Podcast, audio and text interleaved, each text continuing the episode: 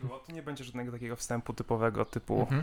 hej, witam wszystkich serdecznie. Mhm. E, na pewno powiem dzień dobry, bo jest to pierwszy odcinek, ale jakby ten podcast już w sumie się zaczął. Ja go będę sobie tak po prostu Mhm. e, podgłoszę. Aha, okej. Więc Jarku, witam cię serdecznie. No cześć. E, witam cię w podcaście, w pierwszym odcinku podcastu, który Mm. nazywa się Zrozumieć. I Mm. całą ideą tego podcastu e, jest to, że będę starał ci się przybliżyć inną perspektywę tego, co ty lubisz. Okej. Będę starał ci się przedstawić komentarze, będę starał ci się przedstawić jakieś niuanse, ciekawostki em, związane z tematem dzisiejszym, którego jeszcze nie chcę zdradzić, bo chcę, żebyś tego przedstawił. Mhm. I będzie chodziło o to, że chcę ci przedstawić opinie innych ludzi, e, czy jakieś ciekawostki typu postprodukcji, przedprodukcji, jakieś wypadki i chcę zobaczyć, czy nowa ilość informacji zmieni twoje postrzeganie Okej. na to, co lubisz.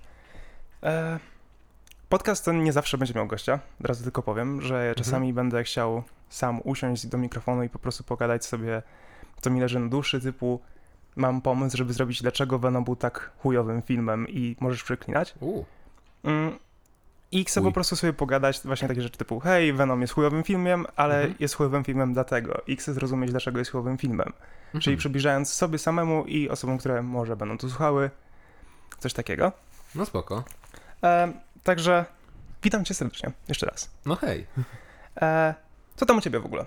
No, Zacznijmy od tego. w sumie. Jest piękny sobotni y, z południa. W sumie, nie ranek. No już jest 13 w końcu, tak? No to już nawet popołudnie w sumie, nie? No, to prawda. No, w końcu się te skończyły te chłodne, pochmurne dni. Jest Znowu cieplutko znowu. Ile jest stopni? Chyba z 30 było jak jechałem, no nieźle muszę powiedzieć. E, no. coś takiego, coś Musiałem, takiego. musiałem włączyć znowu w samochodzie, bo uch, Smurfy ci się nie stopiły? one sobie śpią po prostu, nie? W lato śpią, mówisz, One, tak? one, się- one wiesz co, już permanentnie śpią, bo usnęły któregoś lata i się nie obudziły do tej pory, nie? Więc No proszę. leżą. No, więc spoko. No dobrze, no to w takim Mhm. razie e, dzień dobry A, wszystkim czekaj. jeszcze raz. A co u ciebie? A u mnie wszystko dobrze. No właśnie dzisiaj miałem taki kreatywny zamysł, w sensie wszedł Mhm. do mnie i e, stwierdziłem, ok, dzisiaj będę bardziej kreatywny niż byłem przez całe lato, dlatego że Nice. udało mi się w końcu usiąść i trochę ponagrywać muzyki. Um, no ale też cieszę się bardzo z dzisiaj, ponieważ mam ciebie jako swojego gościa O, i będę mógł w końcu e, wypuścić podcast. Jakby No. po paru Yes. miesiącach próby z różnego rodzaju poprzednim. starań. Tak. E, po wielu, wielu problemach, które mieliśmy z innymi podcastami, których próbowaliśmy, e, w końcu jest szansa, że będziemy, będę mógł wypuszczać coś regularnie. Wiesz co, Więc- myślę, że powinniśmy wypuścić ten podcast o tym, co nagraliśmy te dwa miesiące temu, tak zupełnie Wiesz co, też o tym bez myślałem. niczego, tylko tak, wait, czemu oni o tym znowu mówią, nie? Co się stało? Czemu? E, tak, zrozumieć... zrozumieć o, dobre. Mm, nie, jakby kiedyś myślałem, że właśnie, że zrobić Hmm? odcinek, zrozumieć nieistniejący podcast i po prostu, wiesz, taki powiedzieć, jakie są problemy z nagrywania podcastu, kiedy chce No. się robić to z innymi ludźmi. Hmm. No ale dzisiaj e, porozmawiamy sobie o czymś innym, bo porozmawiamy sobie o temacie em, bardziej zbliżonym tobie niż mnie, ale też to Mhm. jest film, który bardzo sobie cenię. Em, mianowicie, 15 lat temu wyszła druga część tego filmu, Mhm. natomiast 16 lat temu, w 2003 roku, wyszła pierwsza część tego filmu. Hmm. Jarku, o czym dzisiaj będziemy mówić? Dzisiaj będziemy rozmawiać o jednym z moich ulubionych filmów, który, którym jest Kill Bill Quentina Tarantino. Okej. Em, dobrze, no to w takim razie mi powiedz na początku, zacznijmy od tego, dlaczego akurat Kill Bill? Kill Bill, a, dlaczego akurat on? No, od kiedy go pierwszy raz obejrzałem, to po prostu poczułem ten klimat, Mhm. prawda? Tego, że mogę spoilerować wszystko, prawda? Okej. Jest to film, który wyszedł pię- 16 lat temu, pierwsza część, druga... Spoiler alert, ale 15? skoro nie oglądacie do tej pory, to nie będziecie już też w przyszłości. Tak, to jest coś, co musimy, czym każda osoba musi się pogodzić, jakby. Tak, więc, więc będą spoilery Dokładnie tak. i nawet będą bez ostrzeżenia, więc No proszę, nie będziesz krzyczał spoiler alert za każdym Jest. razem. po prostu watch out, jest po prostu jazda na krawędzi. Okej. Okej, ale wracając, nie? Mhm. Bardzo mi się spodobał klimat tego. Spodobało mi się to, że. Bardziej mi się, od razu powiem, bardziej mi się podobała druga część, ale ja te filmy, oba, biorę jako jeden film. Taki jeden Mhm. długi film, tam 4, 4,5 godziny, zależy jaką wersję się ogląda. I w tym filmie najbardziej mi się spodobało to, że tak naprawdę do każdej osoby, która jest na liście, prawda, z Mhm. którym y, główna bohaterka, której imię poznajemy dopiero w drugiej części, y, ma do zabicia na tej liście, każda ta osoba jest w innym miejscu i czuć klimat tego miejsca, w którym jest. Na przykład w pierwszej części musi zabić y, szefową Jakuzy, prawda? I to jest w jakimś właśnie takim miejscu w Japonii i to właśnie jakieś takie spadające po prostu, spadający śnieg, jakiś ogródek, jakieś katany, jakieś skakanie po stołach, takie rzeczy, prawda? Mhm. A z kolei w następnym części musi zabić kolesia, który no mieszka, nie wiem, gdzieś tam w Ameryce, prawda? Gdzieś tam w jakimś takim, no mała Amerykanka, nie? W sensie na pustyni, w jakimś tam po prostu trailerze, nie? Jak się nazywa? W, trailer po polsku. E, zwiastun. Nie, nie, jest... Nie, żartuję. E, je- chodzi ci o przyczepę. Tak, w przycze- właśnie, w przyczepie, nie? Mieszka, nie? W ogóle nosi jakiś kapelusz i w ogóle. I czuć klimat, prawda? Mhm. Że to ma taki... On ma różne klimaty, ale one się ze sobą właśnie łączą w tą jedną fajną historię, którą ja bardzo sobie cenię. No dobra. I E, to czekaj, lubię. zanim przejdziemy dalej, e, Mhm. chciałbym, żebyś zdefiniował według ciebie do jakiego gatunku należy ten film. Są, gatunku? znaczy, zacznijmy od faktu, że będziemy mówić jako o Kill Billu 1 i 2 jakby razem, bo powiedzmy sobie szczerze, że to Mhm. jest film, który był napisany razem. No E, tak. to jest właśnie ciekaw, jeden z pierwszych ciekawostek, które się przedstawię, że Mm. kiedy Quentin Tarantino pisał ten film, pi, e, ogólnie przez 6 lat Quentin Tarantino pisał coś, co nazywał swoim mistrzostwem i miał być to film wojenny. Mhm. I powiedział, że to jest najlepszy skrypt, ale ponieważ siedział nad nim tak długo, nie mógł z nim za, za daleko ruszyć, więc stwierdził, że będzie pisał Kill Billa. Mhm. I Kill Billa napisał w dwa lata Mhm.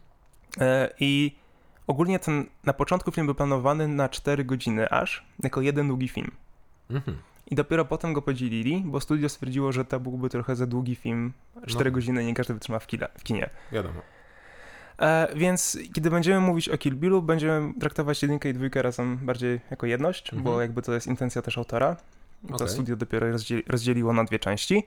Więc według ciebie teraz, do jakiego gatunku przypisałbyś Kill Billa?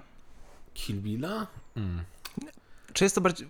W sensie, wiem, że to jest Mhm. kino akcji. Chodzi mi No, bardziej, czy jest to według no. ciebie gatunek em, western, czy może bardziej jakiś e, parodia filmów kung fu, jakby coś takiego, jakby konkretnie, czy to jest bardziej western, czy to jest takie czyste Mhm. kino akcji, bo ja mam na to odpowiedź od samego Tarantino, Wow. jakby tak, jestem, wiesz, to jest mój ziomeczek, napisałem do niego maila i O mówię, kurczę, ty. Tarantino- Miał autograf załatwić. wiesz, wiesz, e, według ciebie jaki to jest film? Nie.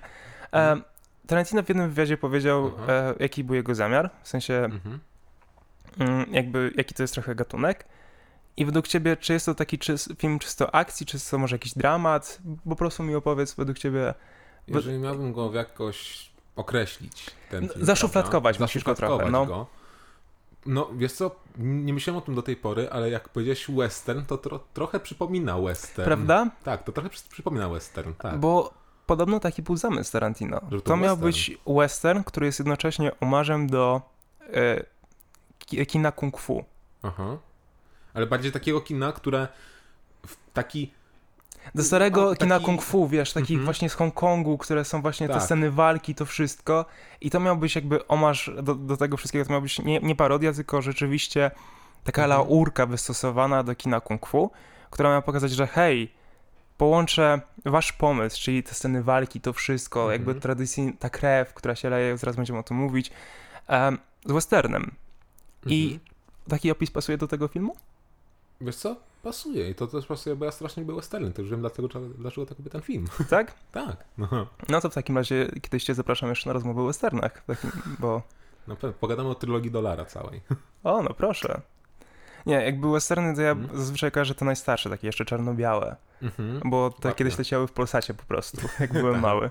Czasami dalej lecą, tylko nie wiem dokładnie gdzie. Ja sobie teraz już, wiesz, int- w internetach internetach, oglądam, tak, o proszę, jaka młodzież tu się, tu się znalazła. Odpalam Netflixa i oglądam. No okej.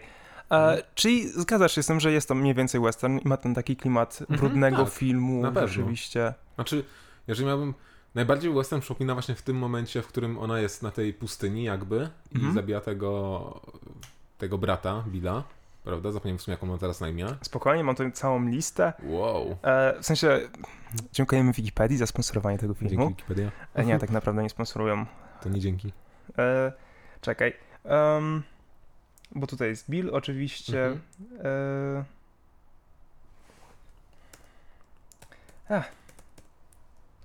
A wiesz, że nie ma go pi- napisanego jako brat Ki- Billa, tylko rzeczywiście. No proszę. U. Wpisałem e, brat i nie ma go tutaj. No dobrze, ale chyba wszyscy wiemy o kogo chodzi. No tak. To pokazuje, jak się przygotowaliśmy dobrze do tego filmu. Jej!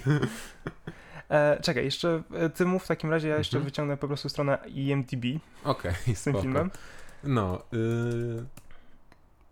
Ale tak, to w sumie bardzo przypomina Znaczy, ten, ten tak. film. W którym momencie, oglądając ten film, pomyślałeś, wow, co, miałeś twoje pierwsze wow? O, zacznijmy od tego. Moje pierwsze wow. Twoje pierwsze wow, tak, że jako, nie wiem kiedy, ile miałeś lat, kiedy oglądałeś po raz pierwszy ten film. Ojej, nie, nie pamiętam. Nie wiem, to było z 10 lat temu może? Okej, czyli e, Natomiast 15 to sobie teraz- 14 lat? przy, wyobraź takiego właśnie 10 lat młodszego Jarka, Mhm. który ogląda po raz pierwszy Kill Billa i kiedy zrobiłeś pierwsze wow? No, powiem ci, pierwsze wow.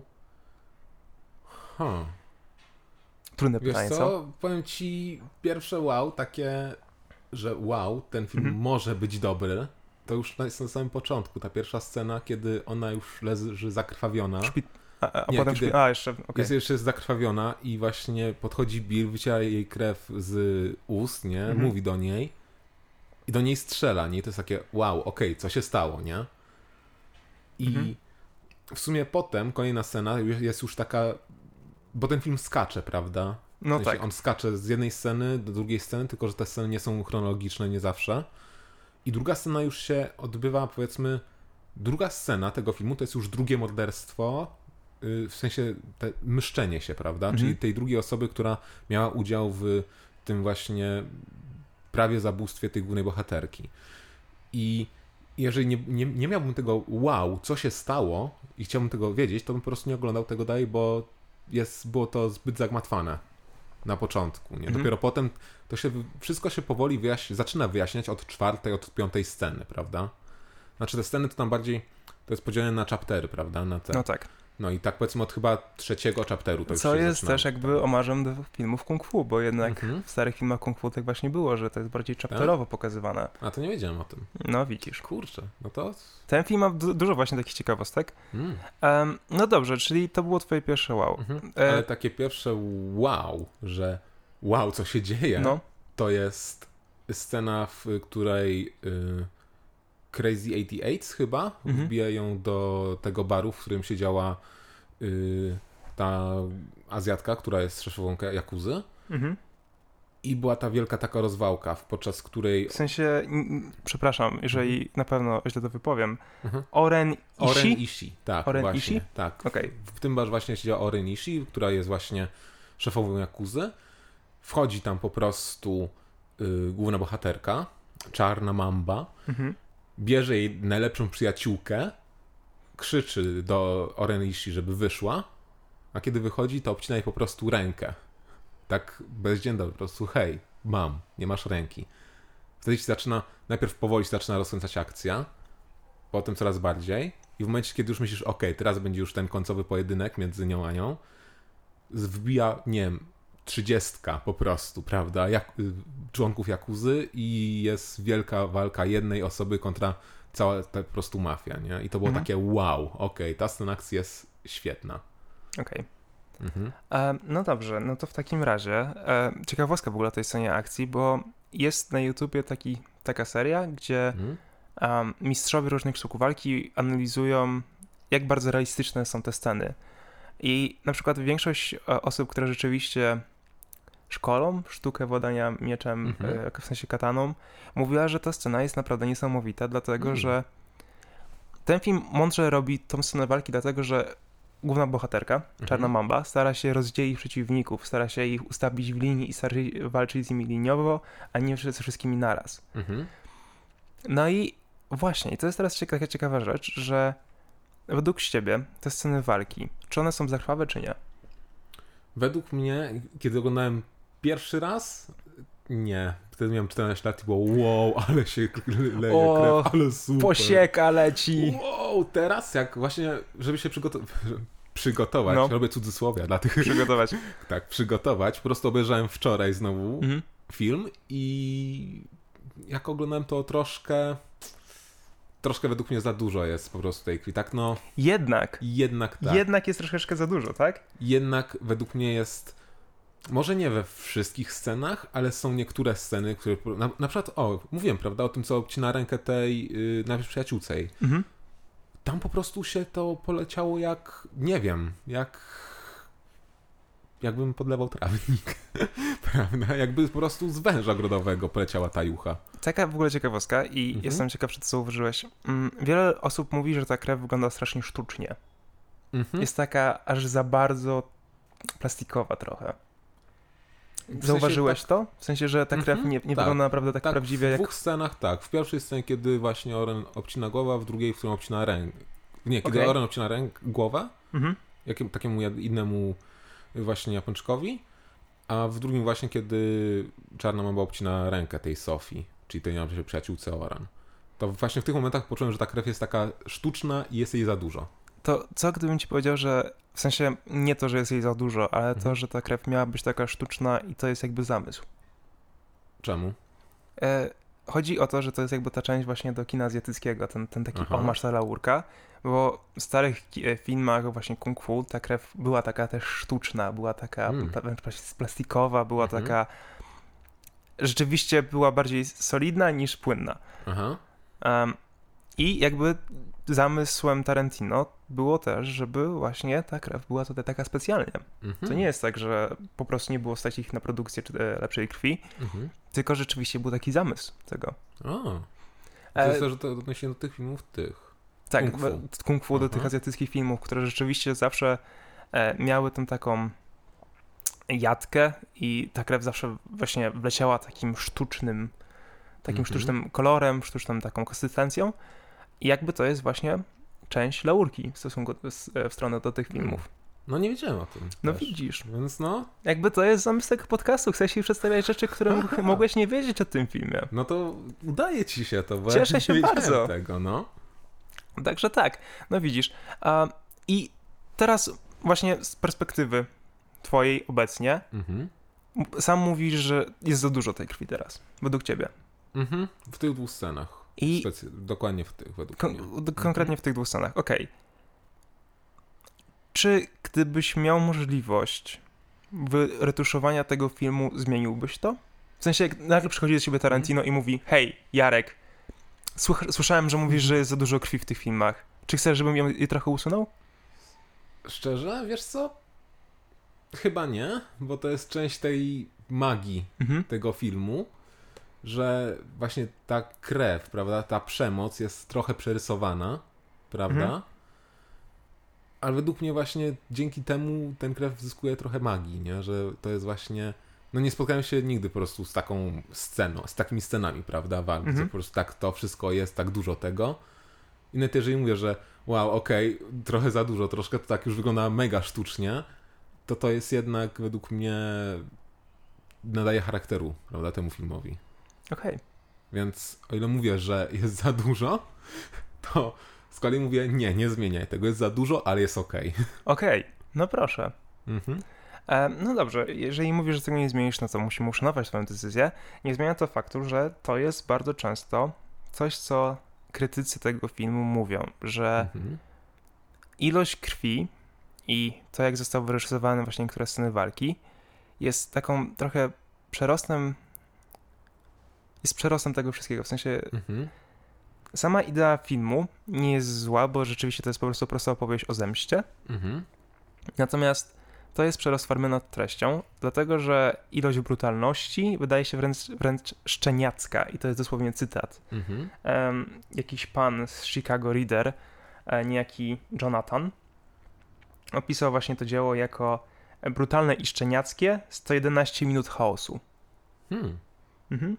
E, e, coś tam, coś tam. E, opisał to jeszcze, że, ama, że to jest jakby film pełen Amazonek, e, które zachowują się jak dziewięciolatki. Aha. Wyciągnąłem trochę to z kontekstu, No. ale robię to specjalnie. I teraz dlaczego? Brutalne i szczeniackie 111 minut chaosu. Hiperboliczne i fali, fali, e, faliczne amazonki, które zachowują się jak dziewięcioletni chłopcy. To jest komentarz prosto z tego artykułu, Mhm. w sensie przetłumaczony. E, I teraz dlaczego o tym mówię? Widzisz, większość ludzi myśli, że teraz, w sensie 15 lat po premierze, widzą ten film jako taki bardzo feministyczny, że Mhm. to daje potęgę kobiecie, że to jest film o kobiecie, która jest silna, niezależna, która chce się zemścić i tak dalej. Natomiast inni przeciwnicy mówią, że po prostu to jest. On się bawi genderowością ról. Tarantino Mhm. w sensie. Że Okej. gdyby to był film o facecie, to już nie byłby tak, tak, tak dobrze odebrany. Mhm. Jak ty to postrzegasz? Wiesz co? Zgadzam się, że gdyby główną postacią był mężczyzna, to, to nie byłoby tak dobrze odebrane. Mhm. Mi byś tak to nie podobało, prawda? Okej. Bo No, bo widzisz, chodzi o to, Mhm. że większość ludzi jeszcze tłumaczy to w ten sposób, że od, odwrócenie tego wszystkiego rzeczywiście niszczyłoby, niszczyłoby ten efekt, dlatego że te postacie są tak stereotypowe. W sensie mężczyźni są tak stereotypowymi mężczyznami, kobiety Mhm. tak stereotypowymi kobietami, że to daje swój urok, ale rzeczywiście jest to też trochę obrażające, jak bardzo stereotypowe są te postacie. mhm. Nie masz takiego wrażenia, że postacie w Kill Billu są aż do przesady stereotypowe? Hmm. I że to jest po prostu takie na siłę danie Mhm. kobietom właśnie takiej upotęgowania im. Ale to możesz podać przykład na przykład tej jednej takiej postaci, która jest tak bardzo stereotypowa? E, widzisz, e, to niestety jest kawałek artykułu, ale mogę ci po prostu powiedzieć na przykład Bill. Mhm. E, mężczyzn, wiesz, dorosły mężczyzna, w sensie brat Billa, przepraszam, ba- Buddy chyba. Właśnie, tak, Buddy. Buddy. E, wiesz, No. typowy Amerykanin, taki trochę redneck, z, z shotgunem, mieszkający w przyczepie, który No. ma takie hej, słońce i tak dalej. Ta.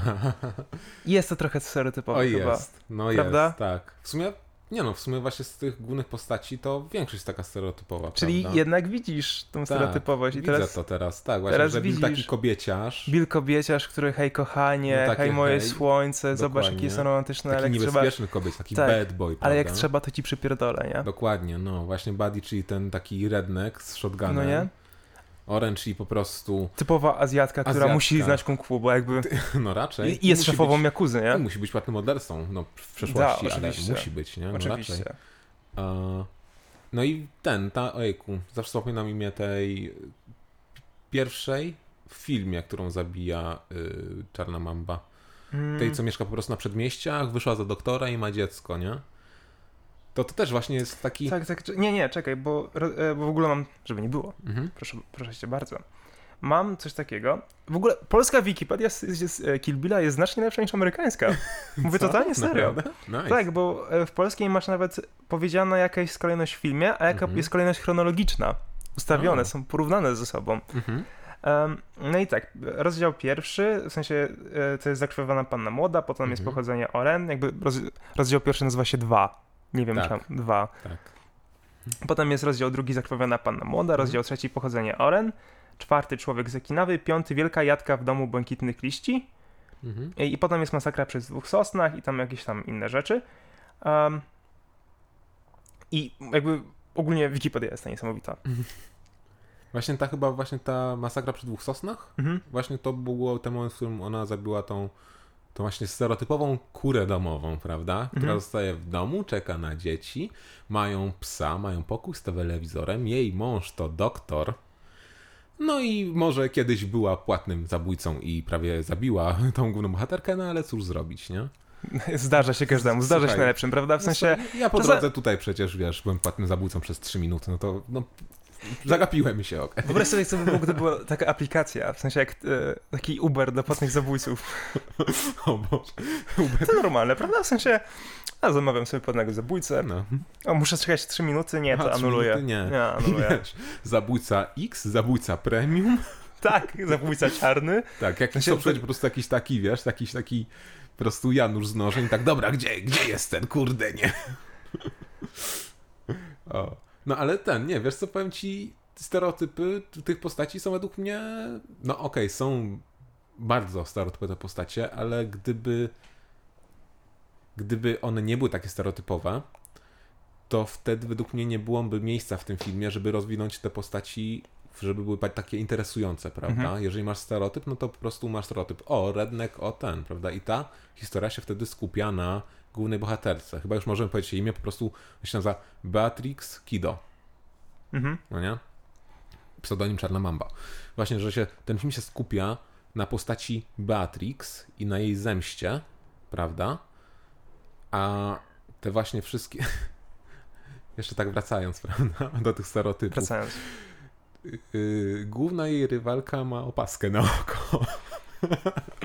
Okej, okej, okej, bardzo stereotypowe, No nie? prawda? Tak, ale według mnie to właśnie, tak samo jak właśnie te sceny, gdzie się leje jucha, prawda? To Mhm. po prostu nadaje temu filmowi takiego, takiej magii, prawda? Tego uroku, który ja właśnie w tym filmie widzę, że o ile postacie są dosyć proste do opisania, można to opisać w dwóch słowach, powiedzmy, większość postaci, to jednak są dobrze zagrane i jest przedstawione na tyle ich po prostu historii, tych postaci, żeby wiedzieć o nich coś więcej niż tylko to, że o redneck albo że o szefowa Jakuzy, nie? Mhm. O to chodzi. I według mnie właśnie to jest bardzo dobrze zrobione, że te stereotypy są tak wyróżnione.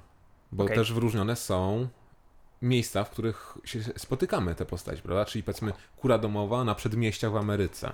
Redneck Taki typowy na... Dokładnie, nie? taki typowy suburbs, nie? Redneck na pustyni w... Tak, gdzieś w przyczepie żyje, No. który oczywiście musi mieć shotgun, kapelusz, No dokładnie. zwiastunie żyje. zwiastunie, no.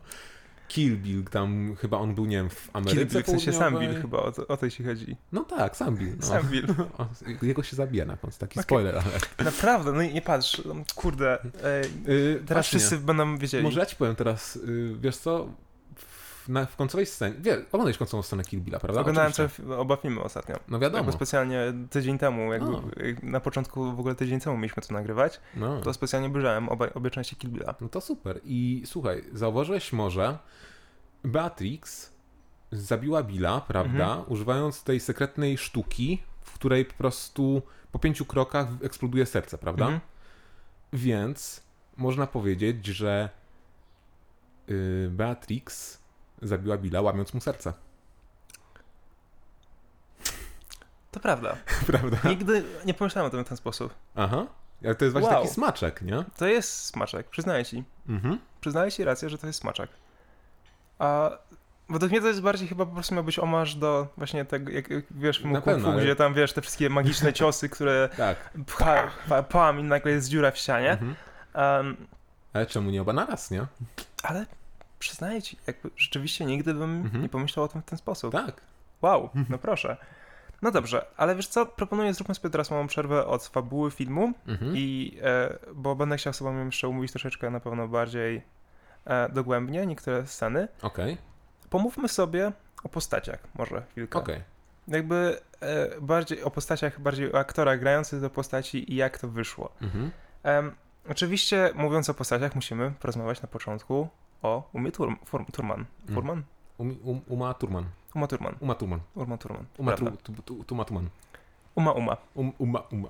O czarnej mambie musimy No. porozmawiać. Dokładnie. Em, no dobrze. Bardzo częstym zarzutem Mhm. e, odnośnie czarnej mamby jest to, że jej droga do zemsty i tak to wszystko właśnie wydaje się takim bardzo szczeniackim podejściem do życia, że o, zrobili mi krzywdę, to muszę się zemścić. Mhm.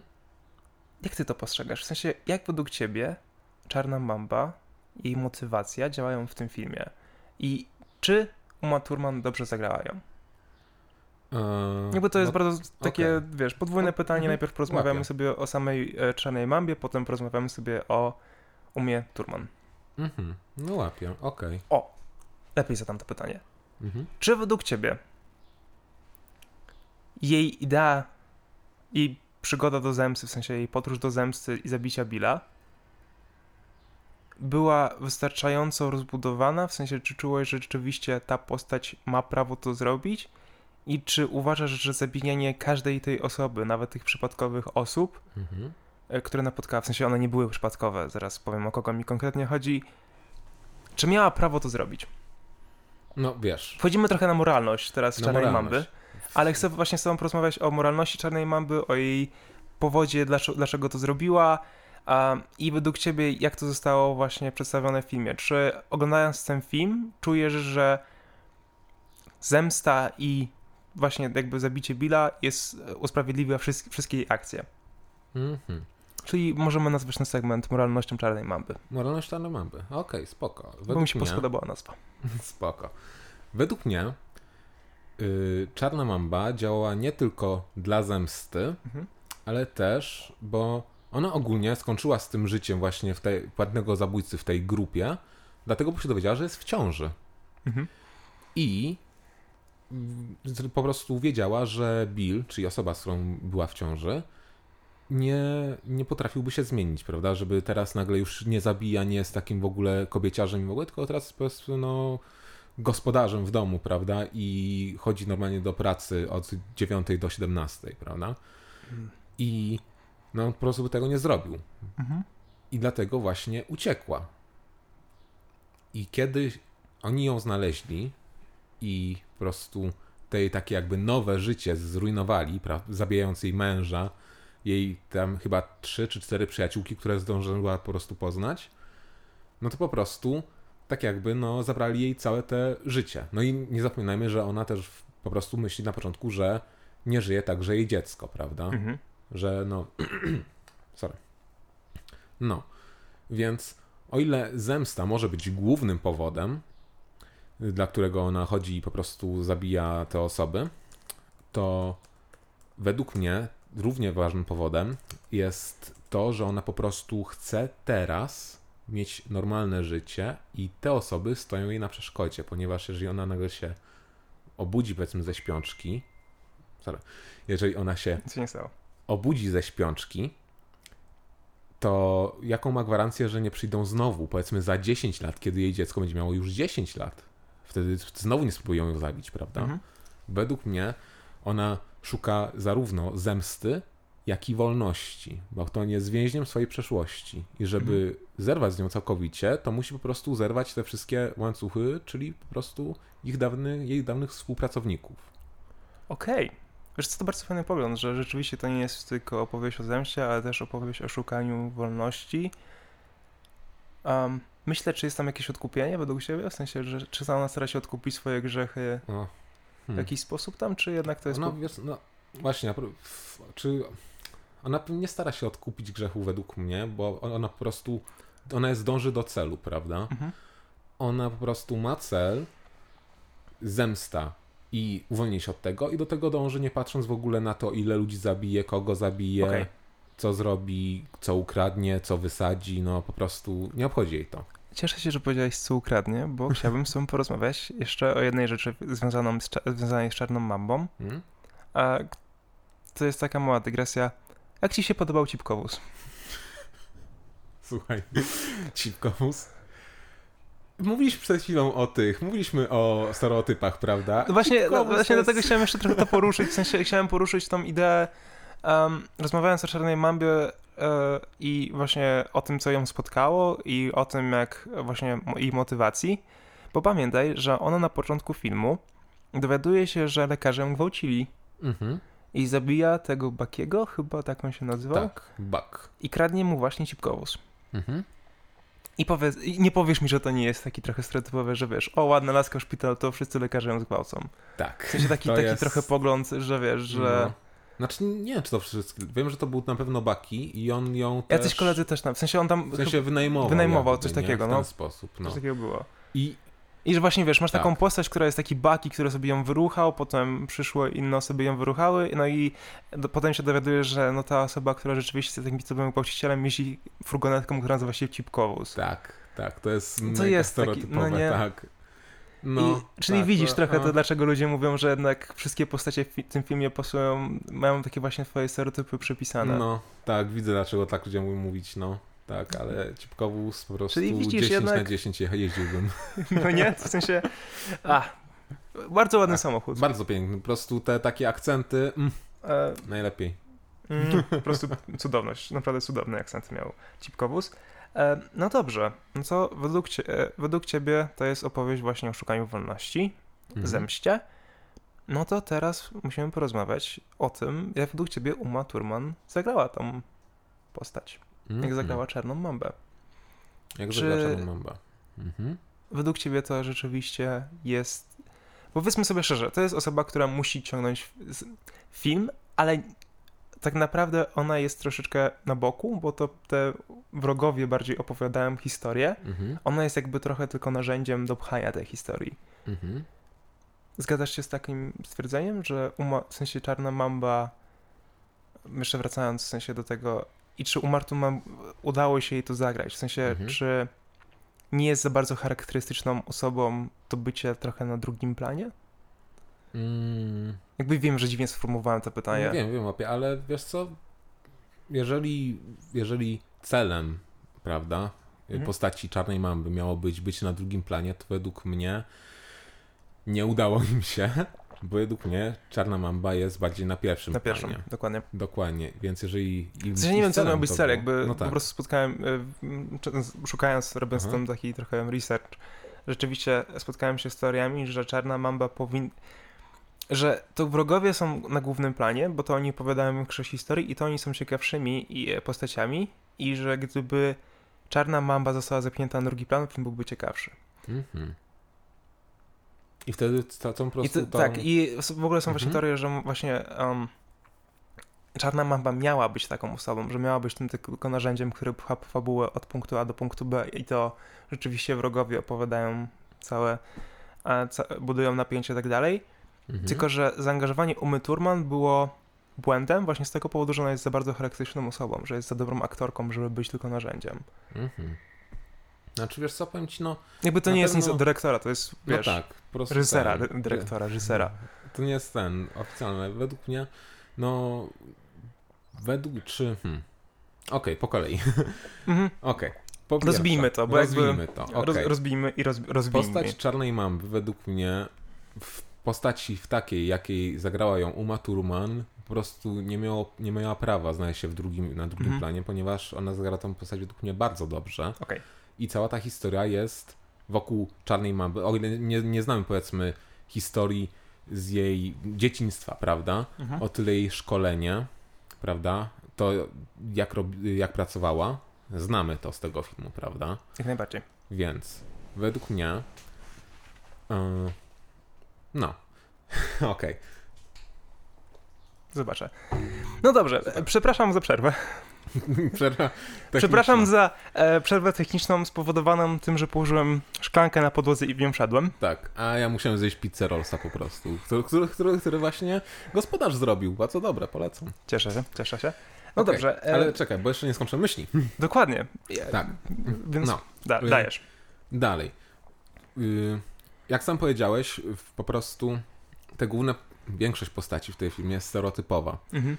I według mnie, jeżeli te stereotypy miały być rozwinięte w taki sposób, w którym ta główna postać Umy Turman miała być zostać zepchnięta na drugi plan i na pierwszy plan wyciągnięte te wszystkie postaci, to po prostu ten film nie miałby dwóch części, tylko po prostu na każdą postać przypadałby jeden film i każdy byłby inny, oddzielnym filmem zemsty, żeby te postacie dobrze rozwinąć.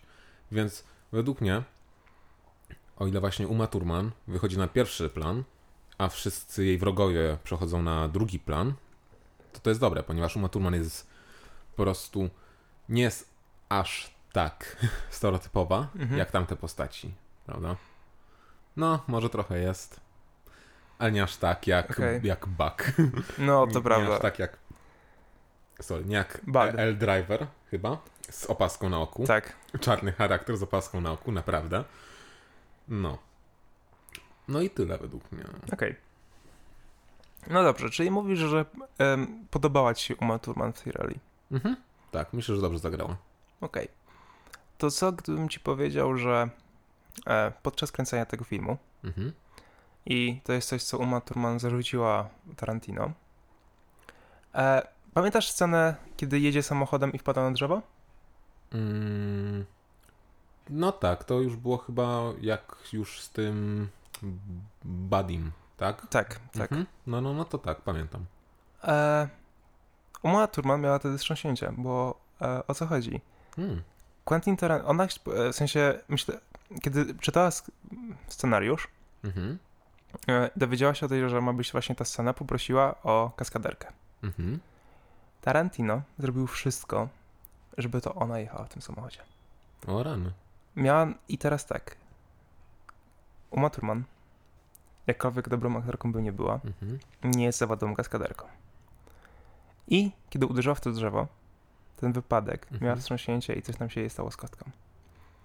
Mhm. To jest Czy mi się coś stało? z kostką, Aha. przepraszam. Um, Mhm. I teraz właśnie to jest coś, o czym ludzie dowiedzieli się znacznie później, że tak jak podczas e, Shining, Shining? Shining był taki film, A, tak, Shining. Mhm. e, gdzie e, Kubrick specjalnie kazał głównej aktorce nie zadawać się z, e, z innymi aktorami, zupełnie odizolował, tak naprawdę sprawił, że miała załamanie psychiczne. Mhm. Tak tutaj była podobna sytuacja, że Quentin Tarantino może nie, nie aż do takiego stopnia, ale rzeczywiście postawił życie w sumie w jakiś sposób Mhm. Umy Thurman dla sztuki, dla swojego filmu. Mhm. Jak się z tym czujesz, myśląc teraz o tej scenie? W sensie, czy było warto, żeby nagrać tylko jedną scenę, tak naprawdę poświęcić aktorkę? No według mnie nie było warto. Nigdy nie jest warto narażać życie kogokolwiek dla jednej sceny w filmie, nawet dla kilku scen w filmie, prawda? Mówiąc właśnie o tym Shiningu też według mnie to nie było w porządku, co, co Kubrick zrobił tej aktorce. No po Mhm. prostu według mnie to, to jest no niedopuszczalne, nie? Więc też nie wiedziałem o tym, że właśnie w ten sposób to była nagrywana ta scena, nie? Mhm. Więc teraz jak sobie obejrzę, jak wrócę do domu, pewnie sobie obejrzę jeszcze raz tą scenę i zobaczę tam, wiesz, Że rzeczywiście Że to jest rzeczywiście- Thurman, nie żadna kaskaderka i że... Mhm. no. Czy wiedząc właśnie o tym, że Quentin Tarantino podobno miał więcej takich akcji i Mhm. tak naprawdę pchał jakby trochę limity niektórych aktorów, um, zmienia to jakoś twoje odczucia co do tego filmu? W sensie Odnośnie filmu nie? Nie. A w, odnośnie reżysera? Odnośnie re- y, Quentina Tarantino zawsze postrzegam jako osobę dziwną, jako osobę, która dla sztuki po prostu jest w stanie zrobić wszystko. Więc nie dziwi mnie to, ale i no spodziewałem się, że do czegoś takiego on mógł być zdolny, ale jeżeli teraz słyszę, że coś takiego się stało, to po prostu mnie utwierdza w przekonaniu, że ta osoba jest dziwna i zdolna do wszystkiego. Mhm. Um, no dobrze. Okej, to taki fun fact. E, Kiedy był wywiad z Quentinem Tarantino jakoś po wypuszczeniu tego filmu, um, odnośnie jeszcze Quentina, Quentin Mhm. powiedział, że i to będzie taki bardzo luźny, luźne tłumaczenie moje. E, jakby ten wywiad jest na YouTubie i serdecznie polecam, bo em, zobaczycie, jak dziwnym rzeczywiście człowiekiem jest Quentin Tarantino. Mhm. Em, Quentin Tarantino powiedział, że został zapytany, co masz ty, czego nie mają inni. Mhm. Jego odpowiedzią było to, że mam talent. Hmm. Po czym powiedział, że jestem ateistą, ale wierzę, że istnieje Bóg, bo kto inny dałby mi taki talent do pisania dialogów. Wow. No nie? Okej. Wow, co nie? Okej, Freddie Mercury? E, I teraz, słysząc ten cytat, Aha. czy dialogi w tym filmie były rzeczywiście aż tak dobre, że to musi być dar od Boga? W sensie, Mm, staram sobie przypomnieć jakikolwiek dialog, który rzeczywiście był aż tak dobry, że mógłbym powiedzieć o nim, że wow, ten dialog na pewno był darem od Boga, bo inny człowiek by na to nie wpadł. szczerze to nie. Jakby Dialogi tam nie są aż Dokładnie. takie dobre, nie Natomiast są. to jest coś, co e, Quentin Tarantino mówił bardzo, że bo moje dialogi to są właśnie mają taki talent, że e, i był właśnie jak ktoś przedstawił, że gdy- e, fanatycy Quentina Tarantino na pewno są w stanie rozpoznać każdy jego dialog, bo ma on taki charakter, właśnie taki Mhm. typowy. I przypominając sobie właśnie Kill Bill dwa tygodnie temu i robiąc re- ten research, oglądałem ten film właśnie z tą myślą, czy jest tam jakikolwiek dialog, który aż tak zapadnie mi w głowę. Mhm. Po dwóch tygodniach, Mhm. w sensie teraz, Mhm. nie jestem w stanie sobie przypomnieć żadnego dialogu. Jestem w stanie przypomnieć sobie jeden. Jaki? Jestem A. i będę rżnął cię na wznak. w polskim tłumaczeniu. O Jezus, naprawdę w polskim tłumaczeniu coś takiego Tak, jest? w polskim tłumaczeniu coś takiego jest. O mój A Boże! w oryginale jest chyba My name is Buck and you're going to fuck po prostu. Coś takiego, coś no takiego. tak, tak, w polskim- takiego. No trzeba się zdejmować, nie? Więc wiesz, jestem Buck, będę różnął cię na wznak. Według mnie ten polski tekst jest bardziej do spamiętania niż ten No, angielski. Nie, więc... jakby zgadzam się z tobą w pełni, Więc wow. może dar od Boga ma osoba, która przetłumaczyła ten film, No, to prawda, wow, jestem w szoku, że e, Polacy coś zrobili aż tak dobrze. prawda? Naprawdę. E, No okej. Ale nie, to jest, jeżeli on uważa, że on pisze takie świetne, Świetne dialogi, świetne nie? dialogi, nie widzę tego, nie. No prawda? Jak- Zupełnie też. Jakby w Tak. Pulp Fiction może niektóre jeszcze, tam Może, dialogi są ale- takie ikoniczne, coś takiego jeszcze można tak byłoby naz- Na, je na pewno nazwać. są ikoniczne, no bo to ma bardzo duży taki cult following, prawda, ten film, wiadomo. No ile memów jest w Pulp Fiction, No prawda? chociażby, chociażby, nie wiadomo. No. Chociaż no mało jest memów z tekstami z Pulp Fiction, nie? Głównie z aktorami. No głównie z aktorami, no. Ale nie, ogólnie jak w- wspominam film Tarantino, który oglądałem, to jakoś dialogi, jako dialogi, nigdy jakoś do mnie tak nie, nie, nie przemawiało, że to jest wow, to jest coś, to jest po prostu najlepszy dialog, jaki w życiu słyszałem, widziałem, po prostu wow. Nie ma czegoś takiego. Mhm. To troszkę przesadził, no. Hmm. Okej. No dobrze, no to w takim razie, kiedy porozmawialiśmy już tutaj o Umie Thurman i jej postaci, musimy teraz porozmawiać o antagoniście tego filmu, Hmm. o głównym celu tego filmu, o tajemniczym e, Billu, który uwodził kogo chciał, Mhm. robił co chciał i był jakby taką potęgą trochę w tym filmie. Hmm. No. Według ciebie, Bill, Mhm. jaką był postacią? Bill jaką był postacią? I zaraz porozmawiamy, porozmawiamy o jego aktorze. A Bill według mnie po prostu, okej, stereotyp znowu, prawda? Mhm. To był taki niebezpieczny kobieciarz, taki po prostu Kasanowa, który po prostu potrafi wszystkie kobiety pod po prostu pod palec, prawda? Mhm. Że po prostu rządzi wszystkimi, ale jest też niebezpieczny, że po prostu potrafi zabić taki taki bad boy, prawda? O to chodzi. I ale też w filmie z kolei, prawda, przedstawiony musi być tajemniczy. W sumie w pierwszej części w ogóle nie było jego twarzy pokazanej w żadnej Mhm. scenie, prawda? Więc musi być tajemniczy, Dokładnie. prawda? Nic tak naprawdę o nim tak nie wiadomo. Oprócz tego, że jest szefem tych zabójców. Mhm. I to jest taki po prostu typowy czarny charakter. Może nie, nie o tyle typowy, prawda? Yy, że inaczej, nie tyle ma typowy charakter czarnego charakteru, co ma typowe cele czarnego charakteru. Mhm. O to chodzi, prawda? No o, kolejna ciekawostka. Yy, Ksywa, prawda? Ksywka Billa, Billa Mhm. to jest zaklinacz węży. To prawda. A wszystkie zabójczynie miały ksywkę od węży. Czarna mamba to jest wąż? Nie wiem w sumie. Mamba No jest bo jest. E, katan- czekaj, Mhm. rozmawiając o tym, kontynuuj swoją historię, bo Mhm. e, znalazłem przed chwilą o tym jakby fun fact. No, no bo na przykład jest Katanmouth, pra- czyli ta Orenishi i to jest wąż. A czarna mama, Mhm. no to jest chyba wąż. Coś tam jeszcze Copperhead Snake? Nie wiem, coś takiego. To jest ta... ta...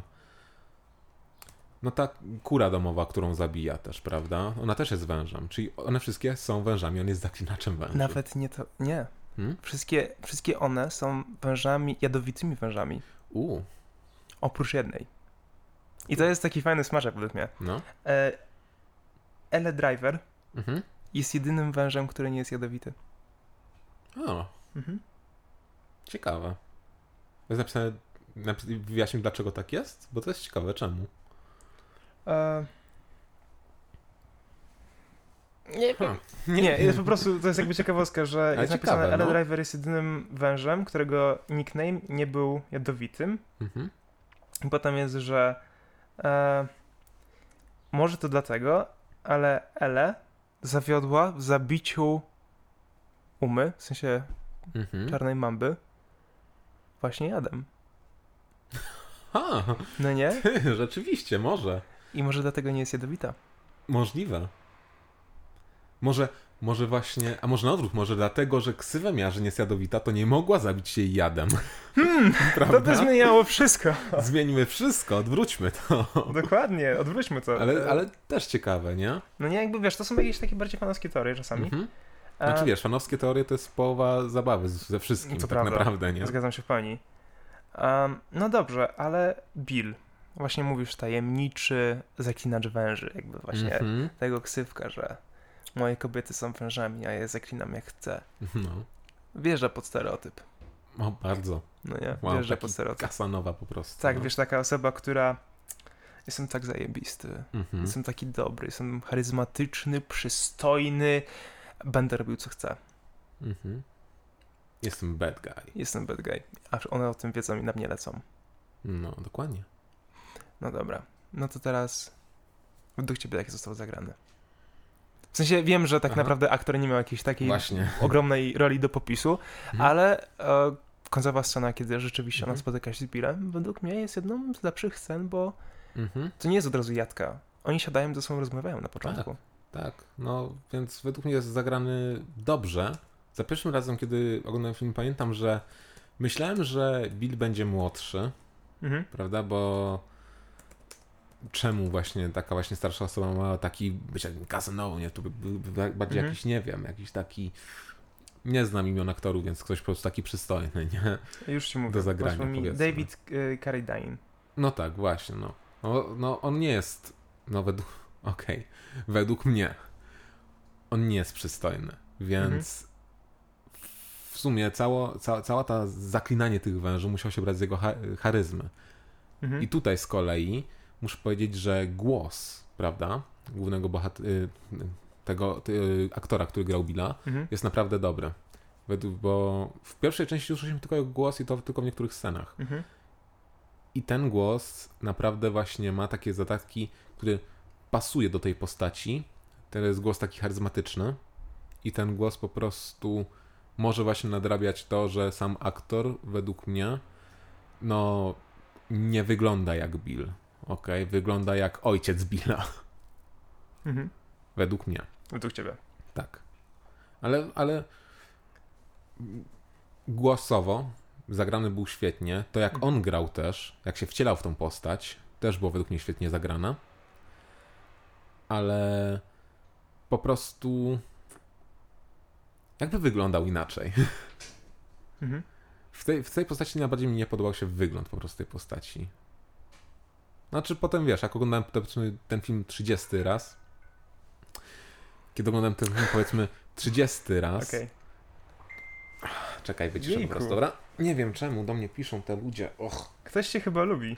Nie! No, Wszyscy chcą pieniądze. Okej. Od ciebie? A ja nie mam! Kupiłem monitor dopiero, co? A, o, okej. Um, czekaj, na czym ja skończyłem? O czym mówią? O Billu jeszcze. No o Billu, tak. No to według mnie po prostu postać była zagrana bardzo dobrze, aktor naprawdę się dobrze wcielił w tą postać. i Głos Mhm. Billa był fantastyczny. No tylko, okej, po prostu wygląd y, Billa nie pasował mi do tego właśnie zaklinacza węży, który jest tajemniczy i w ogóle, prawda? Ale właśnie, jak oglądałem ten film powiedzmy już 30 raz, to się po prostu tego przyzwyczaiłem i też widzę takie różne smaczki, że to po prostu może to ma tak To- być, że on nie wygląda do końca jak taki właśnie Kasanowa, ale wtedy to by się gryzło z tym, że to jest wszystko takie jak się nazywa? Stereotypowe, prawda? Mhm. Więc nie wiem, co do końca myślę o tym wyglądzie. No dobrze. Na To, początku się nie podało, teraz już mam po prostu takie, mm, okej. e, to co jeżeli ci powiem, taką ciekawostkę, że Mhm. na początku ten aktor nie Mhm. był planowany w ogóle do roli Billa. U, Był inny aktor. E, Warren Betty, Warren zaraz ci go pokażę. Okej. E, był, w sensie e, rzeczywiście dali mu scenariusz Mhm. i on powiedział nie dzięki. Ha. I zarekomendował właśnie tego aktora, który grał w końcu Billa, Mhm. tego Davida Carradine. Em, no, ale właśnie chodziło o to, że na początku to Warren Betty, Beatty, Betty, chyba właśnie nie jestem pewien jak to przeczytać do końca, bo nienawidzę angielskich nazwisk, był planowany do zagrania Billa. Aha. No okej. nie- Pozwolę nie ci go wygląda. pokażę. No spoko. E, E, pokażę ci mniej więcej zdjęcie z 2002 roku. Mhm. Postaram się takie ładne znaleźć. Mm, co prawda nie wiem, czy będę w stanie, ale na początku to ten aktor był planowany do roli Billa.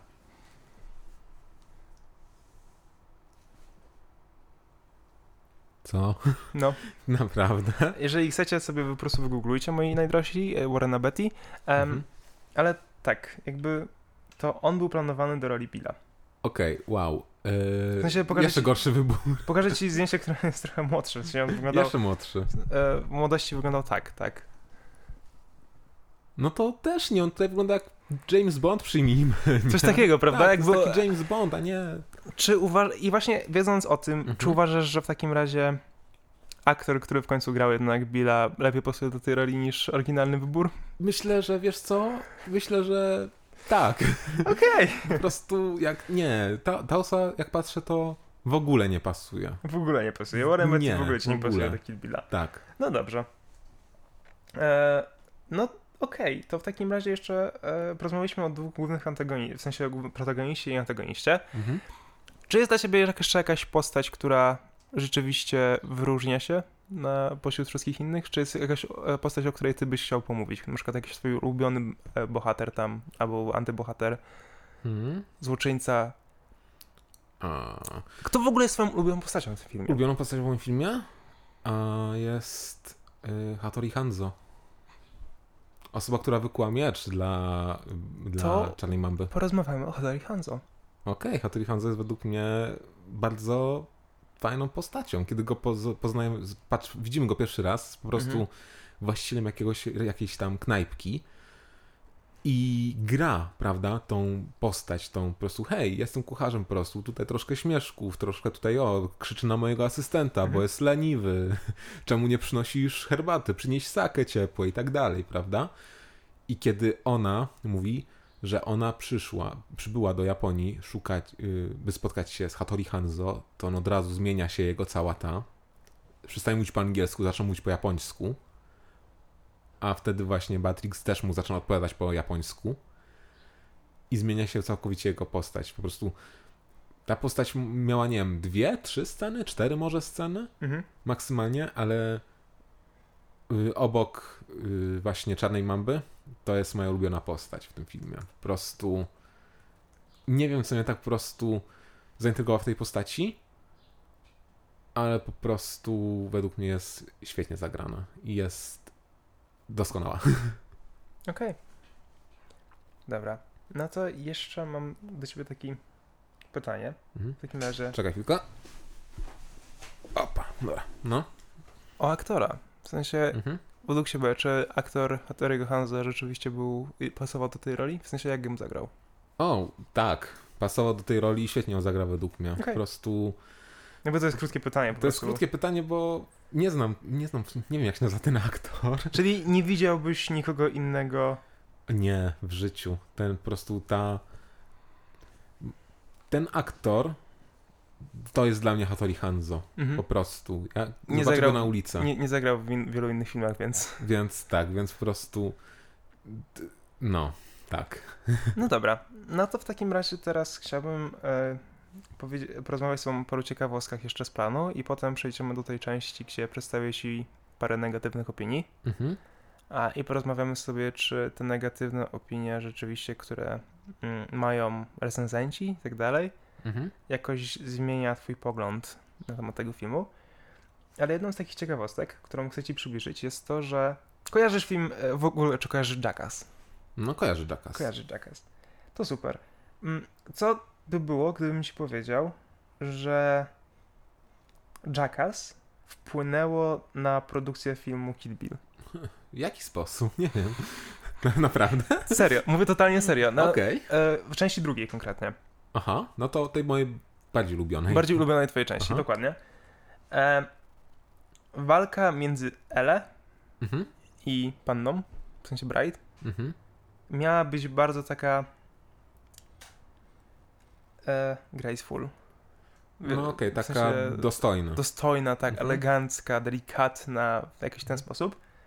Um, natomiast po obejrzeniu Jackass The Movie y, Tarantino zdecydował, że musi być bardziej chaotyczna. No, to według mnie... Nie wiedziałem o tym. Nie, wie- Nie wiedziałem o tym. Prawda? W sensie, Tak. pom- jak, co, by- pomyśl Mhm. sobie, co by było, gdyby Quentin Tarantino nie zobaczył Jackass i O, to mielibyśmy... scena byłaby gorsza. Tak? Według mnie tak, bo mamy już pojedynek, który jest taki dostojny w ogóle. To jest pojedynek z y, Orin Ishii? Oren Ishii. Oren Ishii, tak. To jest, nie jest taki pojedynek. Po co mi taki drugi? Drugi chce mieć chaotyczny, nie? Więc wiesz... Ale że dzięki Jackass po prostu ten film jest lepszy według mnie w takim razie. Widzisz? Właśnie taka ciekawostka. Nie wiedziałem. No dobrze, no to teraz wyobraźmy sobie, co by było, gdyby właśnie Quentin Tarantino nie oglądał tego e, Jackassu. No i wychodzi e, właśnie walka, ta walka z Ellen w takiej samej formie jak z Oren. Mhm. Czy dalej byś tak bardzo lubił ten film? Gdyby ta walka Oj. konkretnie była taka spokojna, nie była taka chaotyczna? Myślę, że wtedy ten film.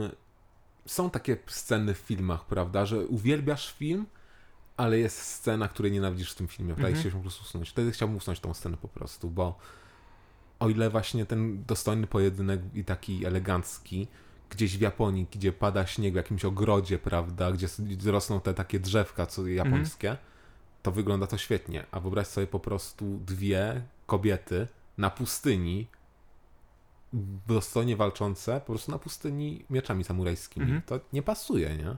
I nie pasuje też to do postaci, którą jest y, L Driver.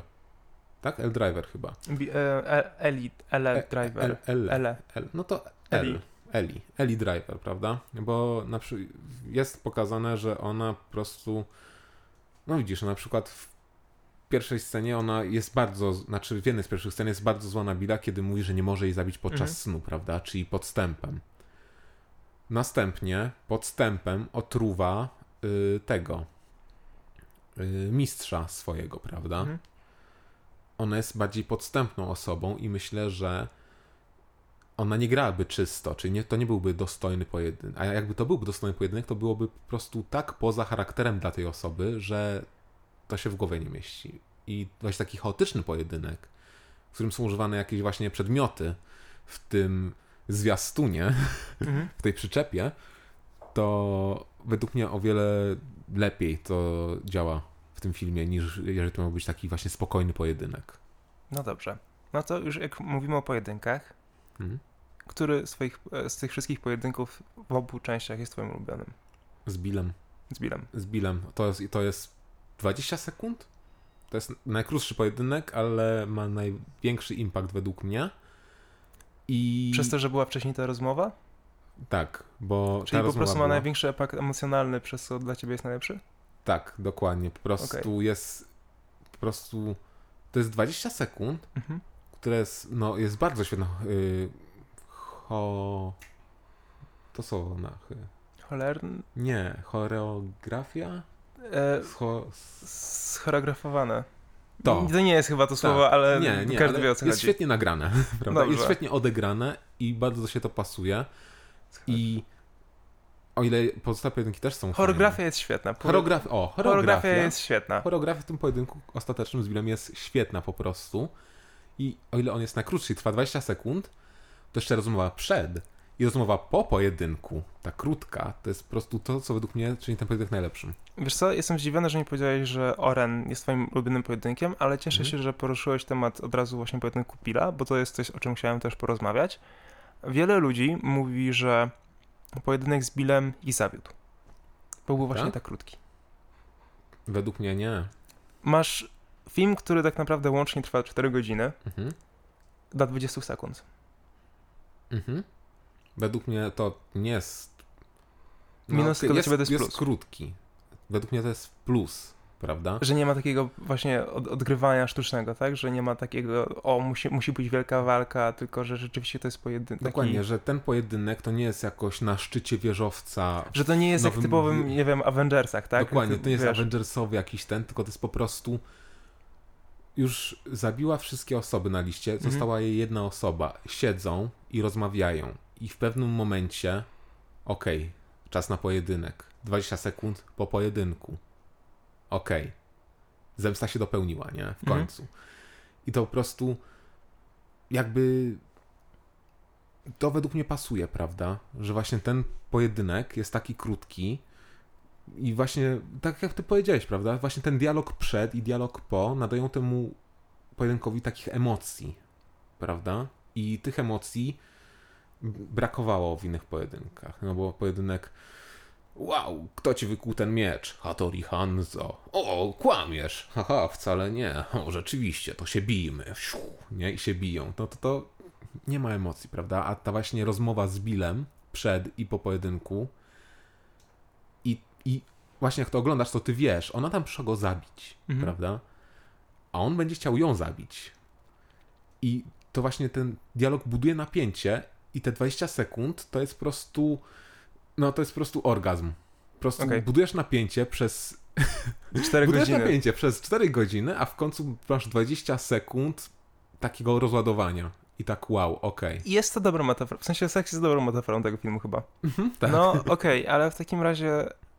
Czyli mówisz, że po prostu to jest jedyny pojedynek, który rzeczywiście ma impact na widza, tak? Zostawia na nim właśnie jakiś taki... Mm, musiałbym się zastanowić teraz chwilkę. Muszę przypomnieć te właśnie wszystkie pojedynki ale według mnie tak. Mhm. To okay. jest jeden właśnie taki, który ma podłoże takie mocno emocjonalne. No to w takim razie niestety muszę wywrócić teraz swoją odpowiedź hmm. E, i spytać się, czy skoro to jest jedyny taki pojedynek, to reszta pojedynków nie jest potrzebna? Nie, według mnie wszystkie pojedynki są potrzebne, ponieważ. No ale no... po co, skoro tylko ten jeden tak naprawdę zostawił na tobie wrażenia?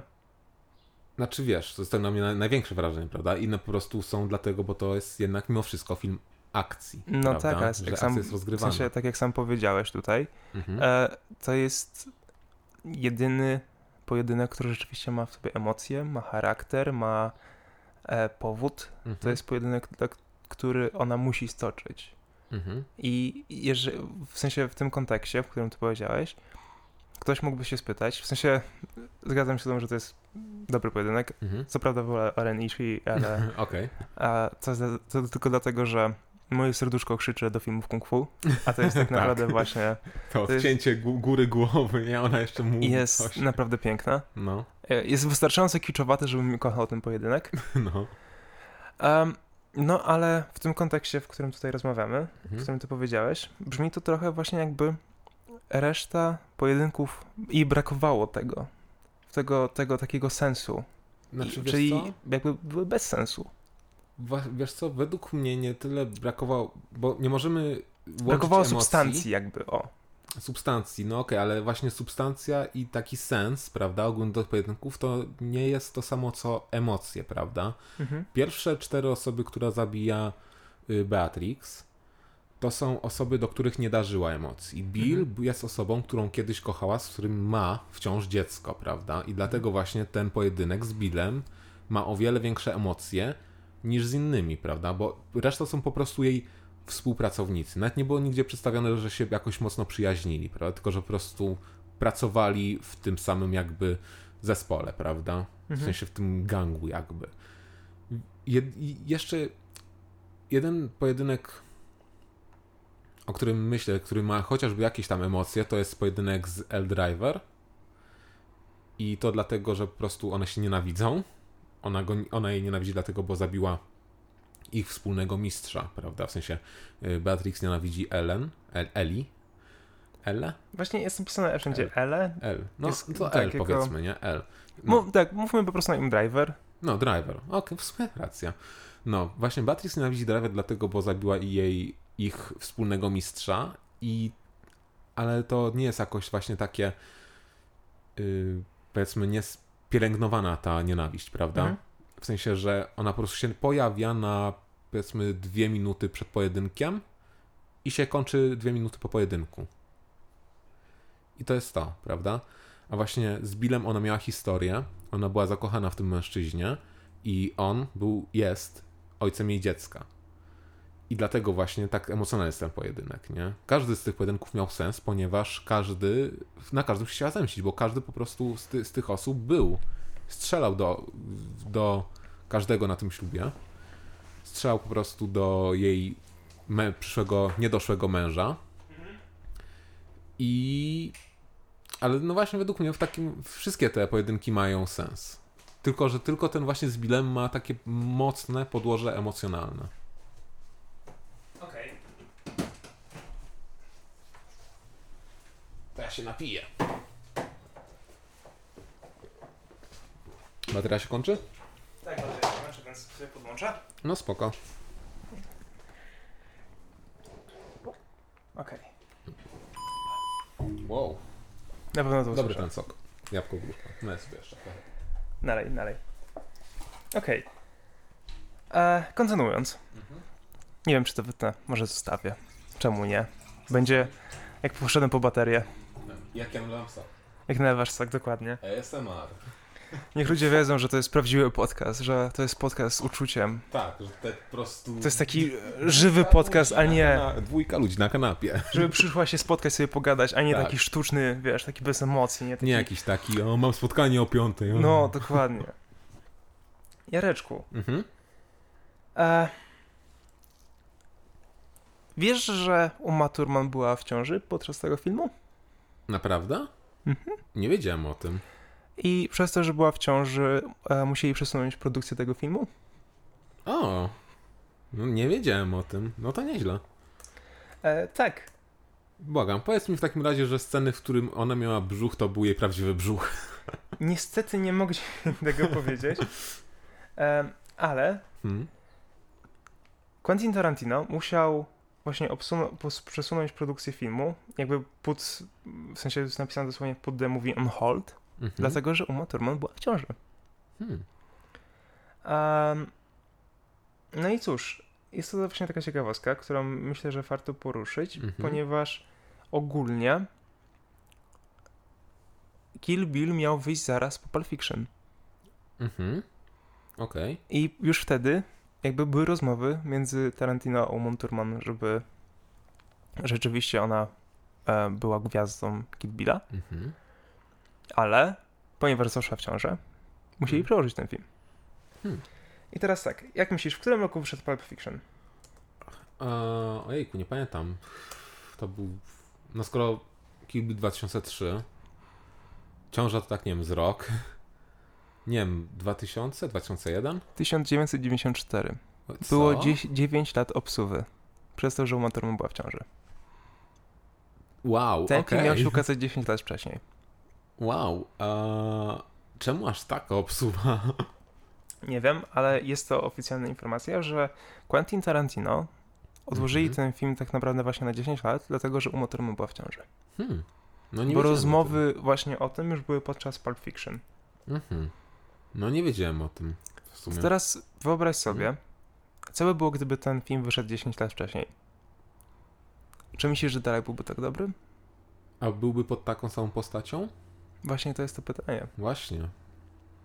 Co by było, gdyby teraz? Tak sobie pomyślmy. Taki, zróbmy taki, Mhm. taką burzę mózgów. Co by było, gdyby Uma Thurman nie była w ciąży i ten film wyszedł 3 lata, 4 po Pulp Fiction, a nie 10? Wiesz co? Oglądałem też Pulp Fiction, nie? Teraz tak sobie porównuję jakość scen nagranych w Pulp Fiction do tych jak, jakość scen w Kill Billu. No dobrze, no to ja ci powiem moją perspektywę. No. A, to je- moja perspektywa i jest taka, że Pulp Fiction dla mnie jest największym dziełem Mhm. Tarantino. Mhm. Jest najbardziej narracyjnie najlepiej złożonym filmem. Pod względem narracji. Mhm. Kiedy Kill Bill ma znacznie lepsze sceny właśnie, jako, jeżeli chodzi o produkcję, Mhm.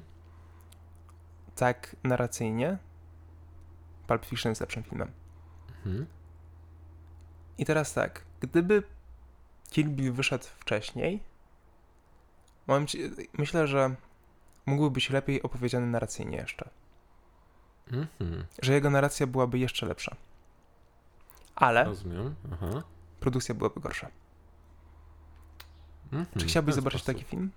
W sensie, czy jesteś, tak, jesteś, chciałbyś zobaczyć Kill Billa, który rzeczywiście mniej tryska juchą, jest mniej a, opowiedziany może przez główny, w sensie przez złoczyńców. W sumie, wiesz, to jest takie gdybanie, jakby by wyglądał Mhm. ten film, tak? Jakby Aha. my nie mamy, nie mamy świadomości, nie mamy wersji, Mhm. ale jestem bardzo ciekaw, jakby ten film wyglądał. Wiesz co, też jestem ciekawy, jakby ten film wyglądał. Tak bardziej narracyjnie złożony, a mniej postawione wszystko na właśnie Akcja. akcję, tak. Mhm. Ale z kolei wyobraź sobie, co by było, gdyby ten film wyszedł w takiej właśnie wersji, jaka jest teraz. Dosłownie 3 lata po Pulp Fiction, która jest właśnie filmem no, narracyjnie lepszym. Mhm. Wtedy ten film mógł po prostu zostać przez krytyków po prostu zniszczony, prawda? Bo od, od razu po prostu chwilę po Pulp Fiction pokazuje się film, prawda? Mhm. Który narracyjnie jest gorszy, prawda? I wtedy po prostu Inny. inny, Jest na pewno. I, no, na pewno inny, prawda? Bo I, nie, chcę, tak. nie, ch- nie chcę, żeby wiesz, żeby to było odczucie, że jest gorszy, tak. Jakby Mhm. to są dwa różne filmy i według mnie narracja w Kill Billu działa rewelacyjnie, dlatego Mhm. właśnie, że to jest film akcji, jednak bardziej skupiony, Mhm. jest to western, tak? No Jakby tak. Powiedzmy sobie to szczerze. A, więc na pewno narracja jest inna, no ale wyobraź sobie, właśnie tak jak ty mówisz, jakby ten film wyszedł w tamtym okresie, Mhm. w takiej formie, jakiej jest. No to wtedy myślę, że miałby gorszy odbiór. Jeszcze gorszy? Jakby powiedzmy sobie to szczerze, Kill Mhm. Bill wcale nie miał dobrego odbioru. Tak? Pierwsza część nie. Kiedy druga, oceny? kiedy druga część rzeczywiście Mhm. em, była nazwana tą bardziej przełomową częścią Mhm. i tą taką ważną, tak pierwsza część Kill Billa, kiedy wyszła, była bardzo ciężko krytykowana i była mówiona Mhm. właśnie, że to jest film niepełny i właśnie No, przez, no jakby Był to wiadomo, film niepełny. dokładnie, ale Mhm. bardzo dużo ludzi mówiło, że to jest szczeniacki film, który jest po prostu pełen brutalności, bezcelowej, takiej bez, bezsensownej, Mhm. bezcelowej brutalności. E, I na początku Kill Bill wcale nie ma takiego, ku- wiesz, fa, wiesz Mhm. mhm. followingów, takich fanów wiernych. Łapie. Znaczy wiesz co, jak teraz właśnie o tym wspomniałeś, to rzeczywiście mówię cały czas, prawda, że druga część jest moją Mhm. ulubioną częścią z tych dwóch części. Jeżeli miałbym oceniać film właśnie Kill Bill, że i pierwsza część oddzielnie, a druga część oddzielnie, to bym powiedział, hej, Kill Bill część druga jest jednym z moich ulubionych filmów, No. prawda? Bo racja jest, mają rację ludzie właśnie, którzy uważają, że Kill Bill część pierwszą jest, Jest filmem- jest niepełny, no bo to jest film niepełny, to jest po prostu wstęp do dwójki, prawda? Dokładnie i właśnie wiele ludzi ma jakby temu to zarzuca i będziemy o tym jeszcze Mhm. mówić po troszeczkę później, e, że to jest tak naprawdę tylko wprowadzenie do tego, co się szykuje w dwójce i że ludzie bardzo często patrzą na Kill Billa mają za złe studiu, że go rozdzielił i trzeba patrzeć na Kill Billa jako jedno dzieło. Mhm. Czy jest, w sensie, czy wiedząc o tym wszystkim, co jak dotąd, o czym rozmawialiśmy, jesteś zły, że studio wypuściło to jako dwie różne części? Znaczy, wiesz, W sensie, nie, może nie zły, Mhm. ale czy wolałbyś zobaczyć jeden 4-godzinny film, czy rzeczywiście lepiej jest, że studio wypuściło to na dwie? Powiem to tak, jako fan tego filmu, ja zawsze oglądam ten film jako jeden film czterogodzinny, prawda? Mhm. Ale rozumiem, że osoby, które idą do kina, nie chcą siedzieć w kinie przez 4 godziny, więc to jest taki, no, impas, prawda? Nie, nie da rady w żadną stronę po prostu pójść. Według mnie najlepszym wyjściem z tej sytuacji byłoby wypuścić pierwszą część i trzy tygodnie później, albo miesiąc później wypuścić drugą część. O ile coś takiego jest możliwego. Mhm. Po prostu wypuścić je nie o rok później, tylko o trzy tygodnie, miesiąc później. Bo w sumie nie spotkałem się nigdy z czymś takim, żeby właśnie jakieś studio wypuściło film dwuczęściowy w tak krótkim okresie czas, czas, czasu jednej Mhm. części od drugiej, prawda? Więc myślę, że coś takiego właśnie w Kill Billu bardzo by zadziałało dobrze na odbiór tego filmu, kiedy wychodziła pierwsza część, prawda? Bo wtedy właśnie zarówno krytycy mogliby spojrzeć na Mhm. ten film jako na całość, prawda? A osoby, które chcą obejrzeć na raty ten film, mogłyby to zrobić, osoby, które by chciały obejrzeć ten film od razu, wersję 4-godzinną, mogłyby to zrobić, powiedzmy, no bo wtedy kina na pewno by miały jakieś takie e, pokazy typu Kill Bill 1 plus 2, Mhm. prawda? Więc według mnie to byłoby lepszym pomysłem. Znaczy nie wiem, o ile, o ile to jest możliwe, bo ja nie siedzę po prostu w produkcji filmów, nie? Ale kiedy czekanie między pierwszą a drugą częścią byłoby skrócone do trzech tygodni, to byłoby świetnym rozwiązaniem. Mhm. No dobrze, a to teraz mi powiedz, Mhm. taka ważna rzecz, taka ważna rzecz, jakby zbliżę się trochę do mikrofonu. Um, powiedz mi proszę, czy chciałbyś zobaczyć trzecią część Kill Billa? Gdyby Pewnie. wyszła. Oczywiście. Nie myślisz, że to zepsułoby całą magię filmu, gdyby nagle wyszła trzecia część filmu? Eee, zależy Nie myślisz, właśnie nie myślisz, że Hmm? hej, wychodzi trzecia część, nie zrujnowałoby ci to według ciebie? Hmm? Bo w tym momencie jedynka i dwójka są jakby jednym filmem i się Mhm. Perfekcyjnie dopełniają. To jest zamknięcie jej historii. Mhm. Według ciebie, gdyby wyszła trójka, o czym by była? O czym mogłaby być? Trójka, wiesz co? Zróbmy inaczej. Przychodzi do ciebie Quentin Tarantino No. i mówi, Jarek, Okej, co tam Quentin? zrób mi Wariacie trzeci ty. film. No spoko. O czym może być trzeci film e, Kill Bill? Słuchaj, a, słuchaj Quentin, taka sprawa. Pamiętasz, słuchaj, tą córkę tej kury domowej, która widziała na własne Mhm. oczy, jak Beatrix zabija jej matkę? Słuchaj jej zemsta na Beatrix.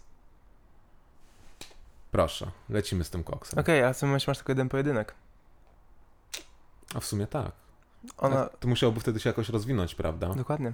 Mhm. Hmm. Bo co jeżeli ci powiem, że były plany trójki? Mhm. Quentin Tarantino powiedział e, kiedyś w jakimś wywiadzie, że jeżeli kiedykolwiek się, miałby zrobić trzecią fi- część filmu, musiałoby minąć 10 lat. No to już minął. No już minęło, i No. filmu dalej nie ma. Mhm. Mm, ale jeżeli kiedykolwiek e, właśnie miałby zrobić, to właśnie 10 albo 15 lat, dopiero wtedy mógłby to zrobić, bo in, Mhm. inaczej nie widzi sensu. Ale, Mhm. Tak jak widzisz, właśnie to jest ten problem. O czym mogłaby być trójka? Nawet gdyby Quentin Mhm. Tarantino stwierdził, jak chcę zrobić ten film, Mhm. o czym mógłby być ten film? No bo powiedzmy sobie szczerze, ta historia jest zamknięta. Mhm. Jedna córka się zemści i jakby koniec filmu. No tak, w sumie tak. No i w sumie to wtedy Czarna Mamba sensu, nie? walczyła z całym filmem. W sensie filmem. Walczyła z całym gangiem. Aha. Mściła się na gangu. Mhm. Nie mściła się tak naprawdę na jedne osoby, tylko mściła się też na osobach, które jej służyły. Mhm. Czarna Mamba nie, miała, nie, nie ma swoich poddupców. No tak. To no byłby tak. jeden pojedynek. No tak, nie, miał, nie miałoby to sensu wtedy, no, racja. A jeżeli rzeczywiście chcielibyś, chcieli, byłby taki film i to ta córka, driver, Mhm. miała być postacią, tak naprawdę jedyny sens... Nie, to jest córka nie driver, tylko tej, a co to jest tej kury domowej. E, przepraszam, tak, Tak. pomyliłem się Mhm. osoby. E, no okej, a gdyby właśnie była osoba, ja w sensie gdyby powstał trzeci film i ona miała być główną postacią Mhm. i Czarna Mamba miała być główną złą postacią, to musielibyśmy znowu, w sensie to jest według mnie jedyny pomysł, który miałby sens, Czarna Mamba musiała mieć swój własny gang, Mhm. córka musiałaby się w- chcieć wchodzić do tego gangu, żeby się zemścić Mhm. i pokonywać kolejne osoby, żeby dotrzeć do e, Czarnej Mamby. No tak, a wtedy to by się A też... to jest dosłownie wtedy jedynka. Bill 1 i 2. Dokładnie. Dokładnie. Dlatego wyobraź sobie, o Mhm. czym innym mogła być trójka? Czy trójka w ogóle ma miejsce w takim razie, skoro nie da się, w sensie Mhm. byłaby albo z dupy, albo byłaby powtórzeniem. Mhm. Więc czy chciałbyś jednak zobaczyć trójkę? Wiesz co, jak teraz właśnie tak to przedstawiłeś, to rzeczywiście pomysł nakręcenia trójki jest słaby dosyć. No nie? No, że ta historia się już jest zamknięta, prawda? O to chodzi. Myślałem może przez chwilę, nie, że może w takim razie jakiś taki bardziej film podobny do. Hmm, nie wiem. Taki bardziej. O, pamiętasz, jak właśnie mówiliśmy, prawda? Co byś stał, gdyby Kill Bill został wypuszczony po Pulp Fiction, prawie że od razu, i po prostu miałby y, bardziej inną narrację, prawda? Mhm. że to był mniej film akcji, a bardziej film taki typu Pulp Fiction. Co jeżeli właśnie Kill Bill trójka byłaby właśnie tego typu filmem i właśnie, okej, skupia się właśnie na zemście tej córki, na Beatrix, Mhm. tylko że to nie jest western, tylko to jest coś innego, Mhm. prawda? W ten sposób, inne podejście jakoś, w ten sposób. Chociaż wtedy nie wiem, czy bym ten film polubił, no bo to nie byłby też Kill Bill No wtedy. właśnie. Więc chyba nie ma z tego wyjścia po prostu. Chyba po prostu ta historia jest zamknięta i nawet jeżeli by powstał inny film, to już by nie był to Kill Bill. To byłby właśnie. Kill Beatrix. Prawda? No. Więc jeżeli wyszedłby Kill Bill 3 i po prostu na pewno bym poszedł, zobaczył, ale nie wiem, czy to jest dobry pomysł, żeby w takim razie wyszedł taki film. Nie, Jeżeli to ma być po prostu to samo podane znowu. Albo ma być po prostu coś bezsensownego. No widzisz. Hmm. Czyli jednak trzeci film byłby problemem, gdyby Tarantino nagle stwierdził, No. hej, nostalgia 10-15 lat temu, to może Ach, trzecią sobie walniemy, żeby taka No. siarka płynęła, nie? no widzisz, ale właśnie przed chwilą właśnie, jak się od razu spytałeś mnie to pytanie, moja pierwsza odpowiedź, od To razu, tak. tak. chcę. I to właśnie po prostu nostalgia do mnie mówiła, że No, wow, lubię ten film, chcę go więcej, chcę więcej, nowego. Chcę to samo, tylko jeszcze raz, tylko lepsze, inne, nie? mhm. No, ale masz rację, że chyba trzecia część nie, nie ma racji bytu w takim razie. Cieszę się, że mnie zrozumiałeś. Widzisz, jednak ten podcast ma dobrą nazwę. Nice. A, no cóż, Jarku, to mam do ciebie jeszcze tak naprawdę takie trzy pytania Mhm. i chciałbym, żebyś mi odpowiedział na takie jedno, bo chcę zrozumieć naprawdę, dlaczego twój film, ten film jest jednym z twoich ulubionych i Mhm. jakby mam już taki bardzo fajne pojęcie, Mhm. ale chciałbym jeszcze zrozumieć jedną rzecz. Czy gdybyś mógł się cofnąć w czasie Mhm. i pogadać z Tarantino, to co by, w sensie wiesz, hej Tarantino, słuchaj, jestem z przyszłości, chcę, żebyś coś zmienił. Czy jest cokolwiek, co byś chciał zmienić w tym filmie? Gdybyś mógł to zrobić? Hmm. Gdybyś mógł się cofnąć w czasie i wpłynąć na Tarantino, nie wiem, jakoś go znalazłeś, albo po prostu mówisz, hej Tarantino, ziomuś, widziałem Słuchaj, ten film, Kiwi, co nagrywasz, nie? No. Słuchaj. to jest tutaj taka scena. To która byłaby ta scena, którą ty chciałbyś zmienić? Mm. Że na przykład by było, nie wiem, słuchaj, nie oglądaj Jackass? Nie, powiedziałem, słuchaj, taki fajny film Jackass wyszedł, weź obejrzyj. Ale w ogóle taki fun fact Mhm. jeszcze odnośnie Jackass. No. Mm, Na początku masz tą animację, nie? Tam taką Mhm. na Kill, Kill Billu. E, ktoś napisał ogólnie, że to jest zainspirowane Bollywood. Tak, jest. No, Tak, jest. Widzę to, widzisz to? widzę to. No to będzie to właśnie. takie tu tururu, tu No. tu turu, tak. Tak, to jest... Mhm. To co byś powiedział? Hej, Tarantino, słuchaj, musisz obejrzeć Bollywoodowy film, musisz obejrzeć Jackass i jeszcze jakiś film byś mu polecił, żeby obejrzał? Yy, Właśnie, to jest fajne pytanie. O. Czy byś polecił Tarantino Mm? jakikolwiek jeszcze inny film do obejrzenia? Nieważne, czy... Powiedzmy sobie, że o, przywiozłeś Netflixa ze sobą i możesz Wow. pokazać każdy film, który, który chcesz. Mhm. Um, jaki film byś mu jeszcze polecił, żeby zmienić, w sensie, który myślisz, że mógłby na niego wpłynąć? Czy byś to zrobił? Mhm. Plus, co byś chciał zmienić w Kill Billu, gdybyś miał, miał taką możliwość? Wiesz co, powiem ci szczerze, że według mnie Kill Bill jest no jednym z moich ulubionych filmów, prawda? I to, że on jest według mnie jednym z lepszych filmów, nie znaczy, że on ma takie mocne fundamenty, Mhm. prawda? I jeżeli on byłby przechylony w jakąkolwiek ze stron, mógłby się rozpaść. Okej. I po prostu ten film działa dobrze właśnie dlatego, że jest taki, jaki jest. Czyli Jeżeli jest dobrze zbalansowany. jest dobrze zbalansowany i po prostu jakbym miał go przesunąć w jakąkolwiek stronę, to się boję, że wtedy to nie byłby już Okej. Kill Bill. Nie? Więc po prostu bym po... popatrzyłbym na niego i tyle. I tak, Cześć. hej, cześć Quentin, narka, trzymaj Bajo. się, powodzenia. No okej, no to, czyli nie chciałbyś czegoś zmienić w tym filmie. Nie ma jakiejś takiej rzeczy, która ci teraz przychodzi do głowy i myślisz, no w sumie to mi się nie podobało. Mm, Okej, jest jedna rzecz. A, Jest jedna jednak. Tak. Jestem idealnym Nazwa diabłem. tego gangu. Nazwa tego gangu według mnie brzmi głupio. Nie pamiętam jak się nazywa. 88? W sensie do niego Nie, nie, nie. Czy... Y, Tego, te... y, y, Ten, no co te, co... Co Bid jest szefem tego? Ten Em, sk- skład morderczych żmi, coś takiego, nie wiem, to jest takie, ach... mm, Deadly Vipers. Asa, ten się nazywało przecież. Deadly Vipers? Deadly Vipers Assassination Squad. tak, Assassination Squad. Po co to? Po prostu daj Vipers. Jak by było po polsku to? Właśnie to jest jakiś szkwa, szkwadron śmierci, jadowitych żmi. To tak jakoś to brzmiało i to było takie, och, nie. Deadly. Czemu Assassination Squad? Czy, czy, czy mają wpisane to w firmie Assassination Squad, spółka ZO? Tak, możesz sobie taki. Hej, dzień dobry, macie tu moją wizytówkę. Dlaczego ma państwo Assassination Squad w nazwie? A, nie pytaj. Ściągnąłeś naszą apkę Zabójco Uber? E, O, nie, tak, ta nazwa, nazwa tego, tak jest, ech, mhm. nie. No okej, e, właśnie szukam tej polskiej nazwy w ogóle, bo jestem teraz ciekaw, jak ona jest po polsku. O, czekaj, jeszcze bym coś powiedział. A, Zabójcze powiedziałbym jeszcze Tarantino, słuchaj, jak chcesz robić coś w slow motion, y, to słuchaj, ziomek, nagrywaj to w takiej kamerze, która nagrywa w większej ilości klatek, bo potem jak robisz slow motion, to to jest to strasznie rozklatkowane. Mhm.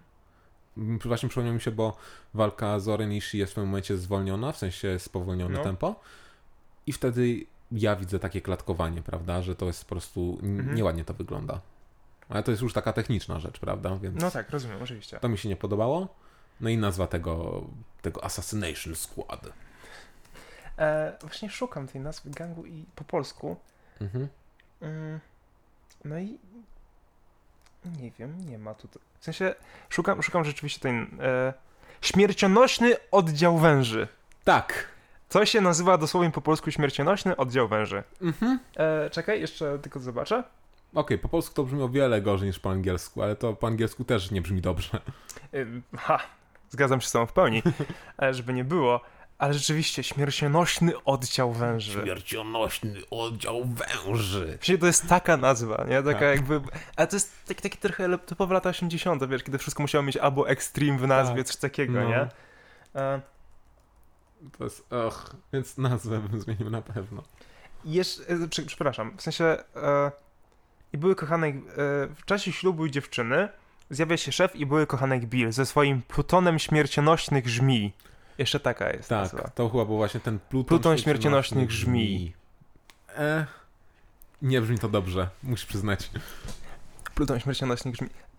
Chyba jest lepsza niż ta poprzednia, którą Tak, to podałem. jest trochę lepsze, ale i tak nie. Po No. prostu ech, jakąś inną nazwę i jed, w jednym słowie niech się zamknie.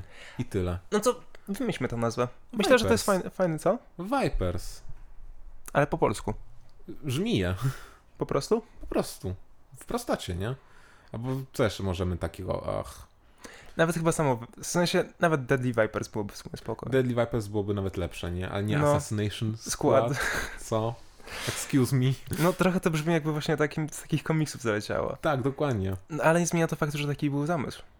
Bo chodzi o to, że nazwy, w sensie według Mhm. e, tutaj takiego polskiego portalu, który czytam, Mhm.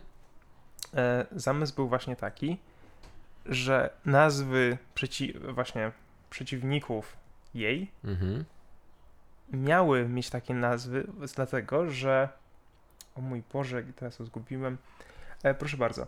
E, pseudonimy głównej bohaterki oraz jej kolejnych ofiar: Czarna Mamba, Grzechotnik, Miedzianka, Tak. Copperhead. Mokasyn Daleko Wschodni, Mhm. And mouth. Górska Żmija to, naz- to nazwy śmiercionośnych węży, ale także imiona wrogów kapitana Ameryki. Tu, tu, tu.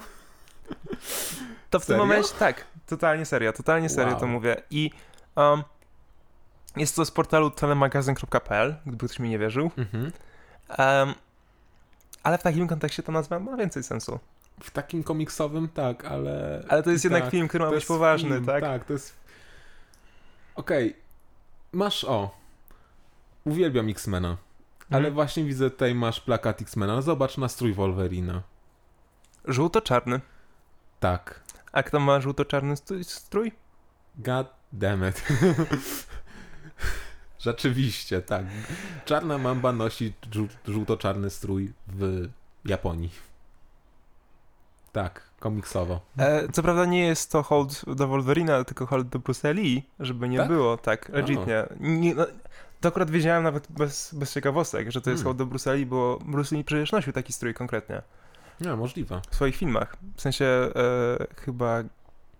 Nie pamiętam teraz nazwy, Boże. Przyznam się do czegoś. Nigdy nie oglądałem żadnego filmu Z Bruce'em Lee? Mhm. Żadnego. To w takim razie Mhm. będę musiał się kiedyś zaprosić na seans filmów Bruce'a Lee i nagram z tobą po tym odcinek. No i zrozumieć Bruce'a Lee. spoko.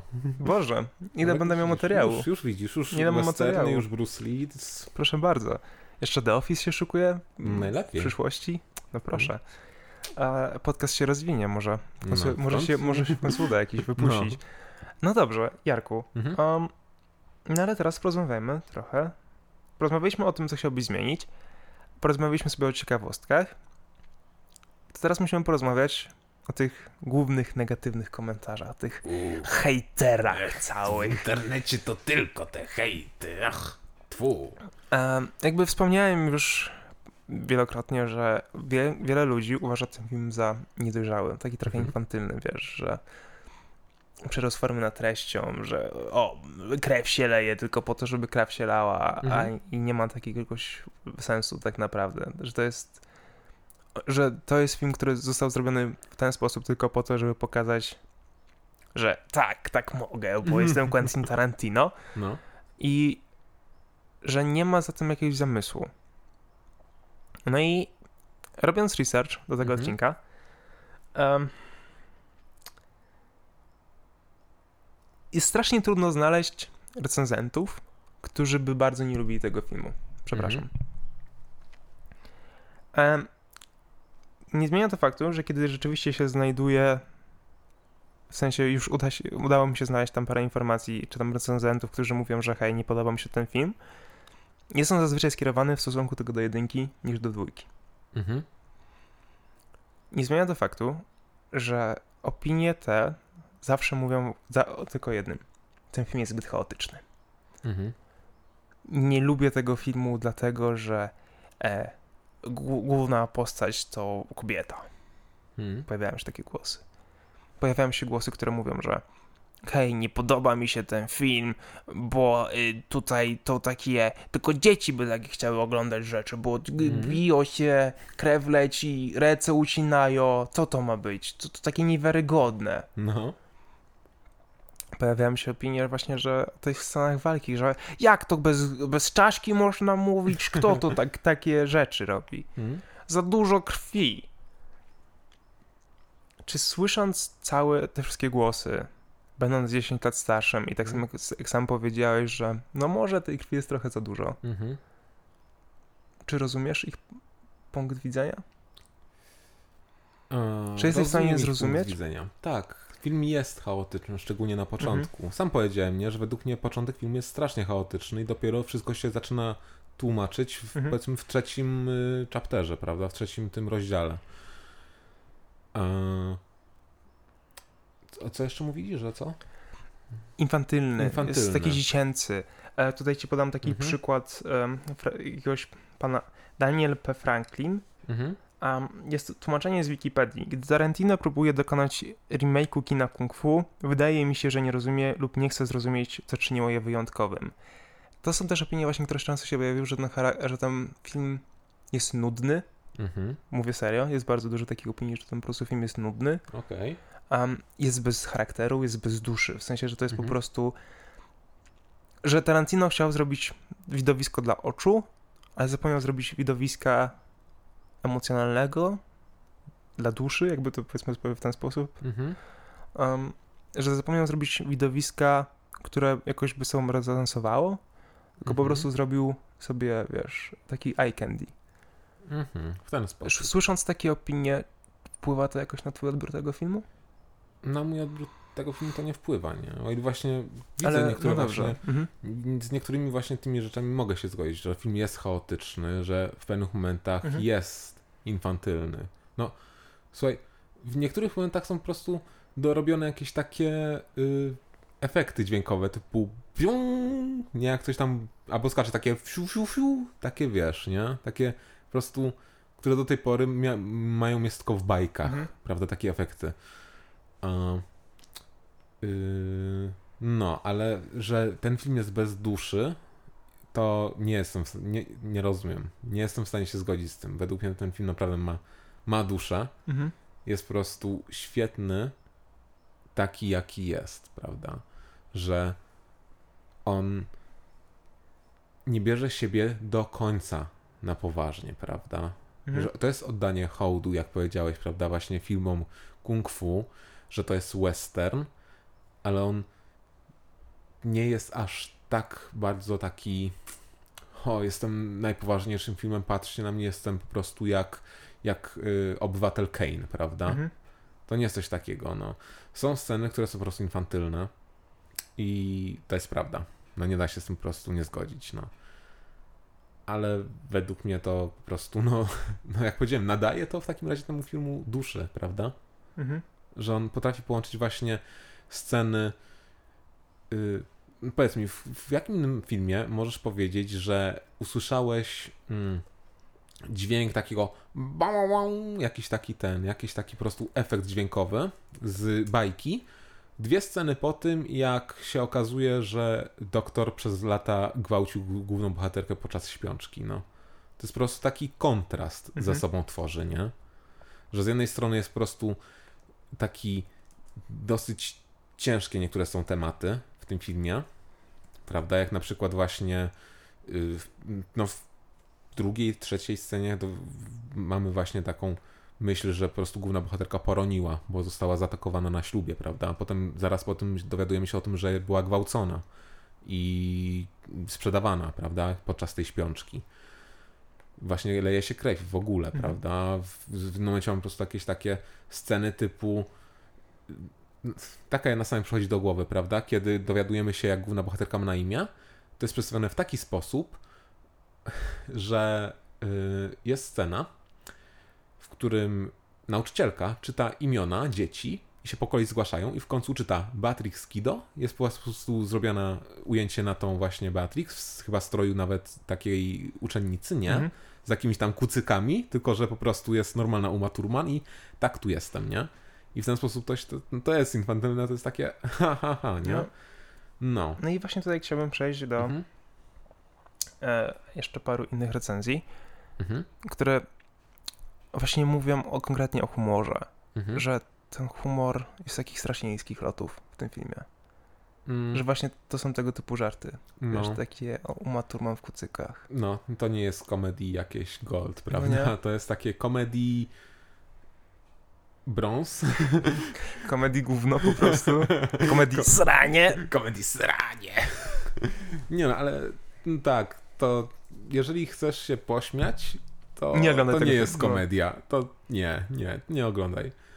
Ale tak, nie mam jak obronić żartów. Żarty są kiepskie w tym filmie, Okej, naprawdę. no dobrze, no to jeszcze porozmawiamy o fabule, Mhm. mm, bo ludzie mówią, że fabuła jest bardzo prosta, jest bardzo jednowymiarowa w tym filmie. Mhm. I jakby według mnie, przynajmniej zaletą tego filmu jest prosta fabuła, dlatego że jednak jest to film akcji. Mhm. Ale co byś powiedział takim ludziom, właśnie ludziom, którzy mówią, że hej, to jest trochę za prosta fabuła, że ta fabuła się, jest strasznie taka właśnie jednowymiarowa, jest taka je- one-dimensional, że nie ma takiej związłości, Mhm. bo jest to argument, który jest bardzo często zarzucany temu filmowi i dlatego ludzie nazywają go nudnym, Mhm. bo krzyczą, że hej, ten film jest nudny, bo jest po prostu taki płaski.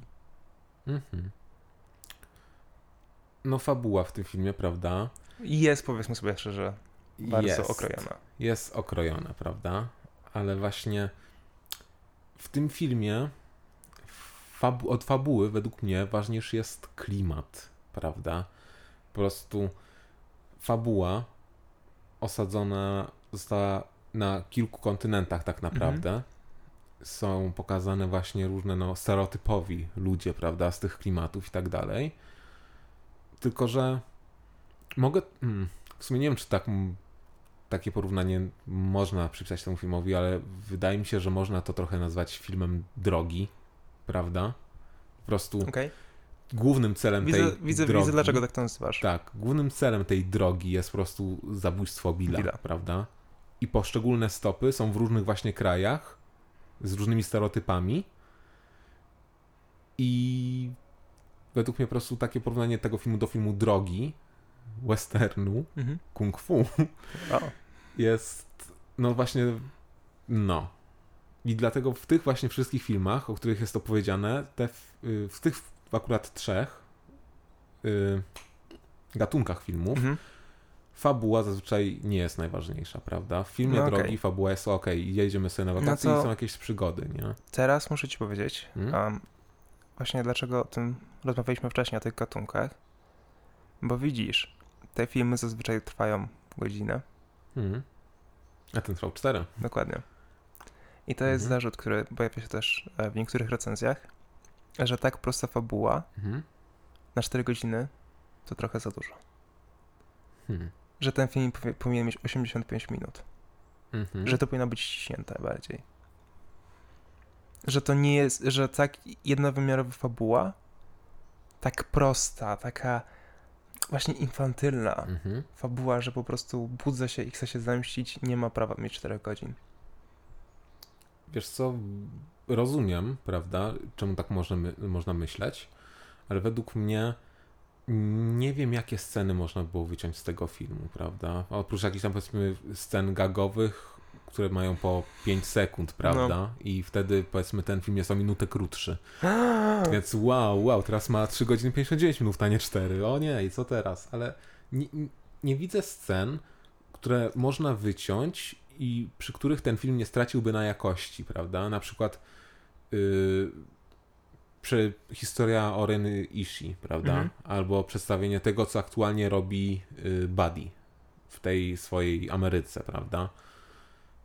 I wtedy te fil- ten film po prostu każda z tych postaci, w sensie każdy z tych wrogów yy, tej Beatrix byłby tak, taką samą postacią, jaką jest kura domowa, prawda, z przedmieść. Nie pamiętam jej imienia nawet. Dokładnie. Jest za- po prostu ona się pojawiła w jednej scenie i została zabita i cześć. I dlatego właśnie nie pamiętam imienia, bo to jest po prostu za mało według mnie, prawda?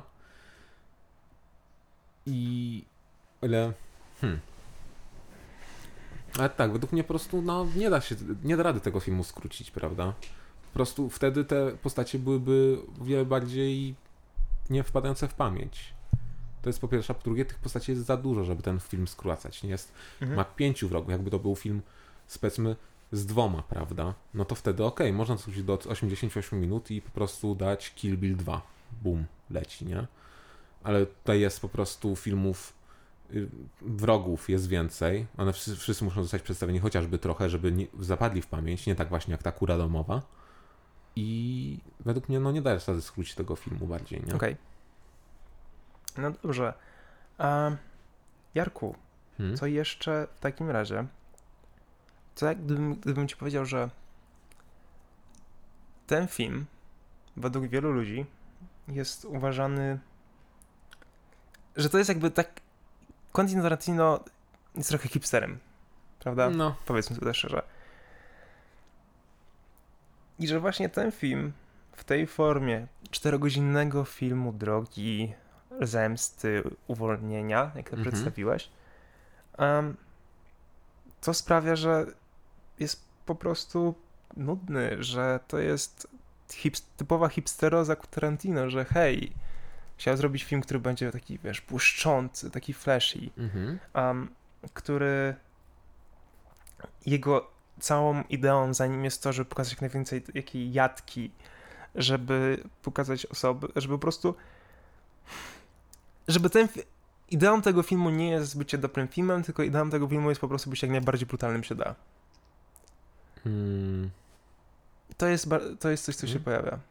Się, ale Zgadzasz się z tą opinią, że to jest po prostu właśnie, że Tarantino stworzył ten film z takim celem, żeby po prostu pokazać najwięcej brutalności, czy jednak... nie, nie, nie sądzę, żeby to była... Coś czułem, jakby z twoich poprzednich wnio- wypowiedzi można to odczuć, ale muszę Tak, ci że- zadać to pytanie. Tak, że nie, w życiu.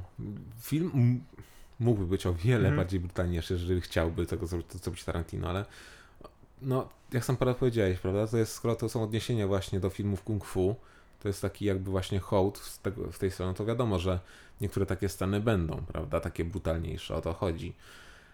I czy to jest taka hipsteroza, w sensie taki okej, Quentin Tarantino ogólnie jako yy, reżyser, prawda, ma taki własny styl kręcenia filmów, pisania filmów, który albo się kocha, albo się go nienawidzi, prawda? Mhm. I rzadko jest coś pomiędzy, że a film jest trochę w porządku, trochę nie. Nie, nie spotkałem się z taką opcją.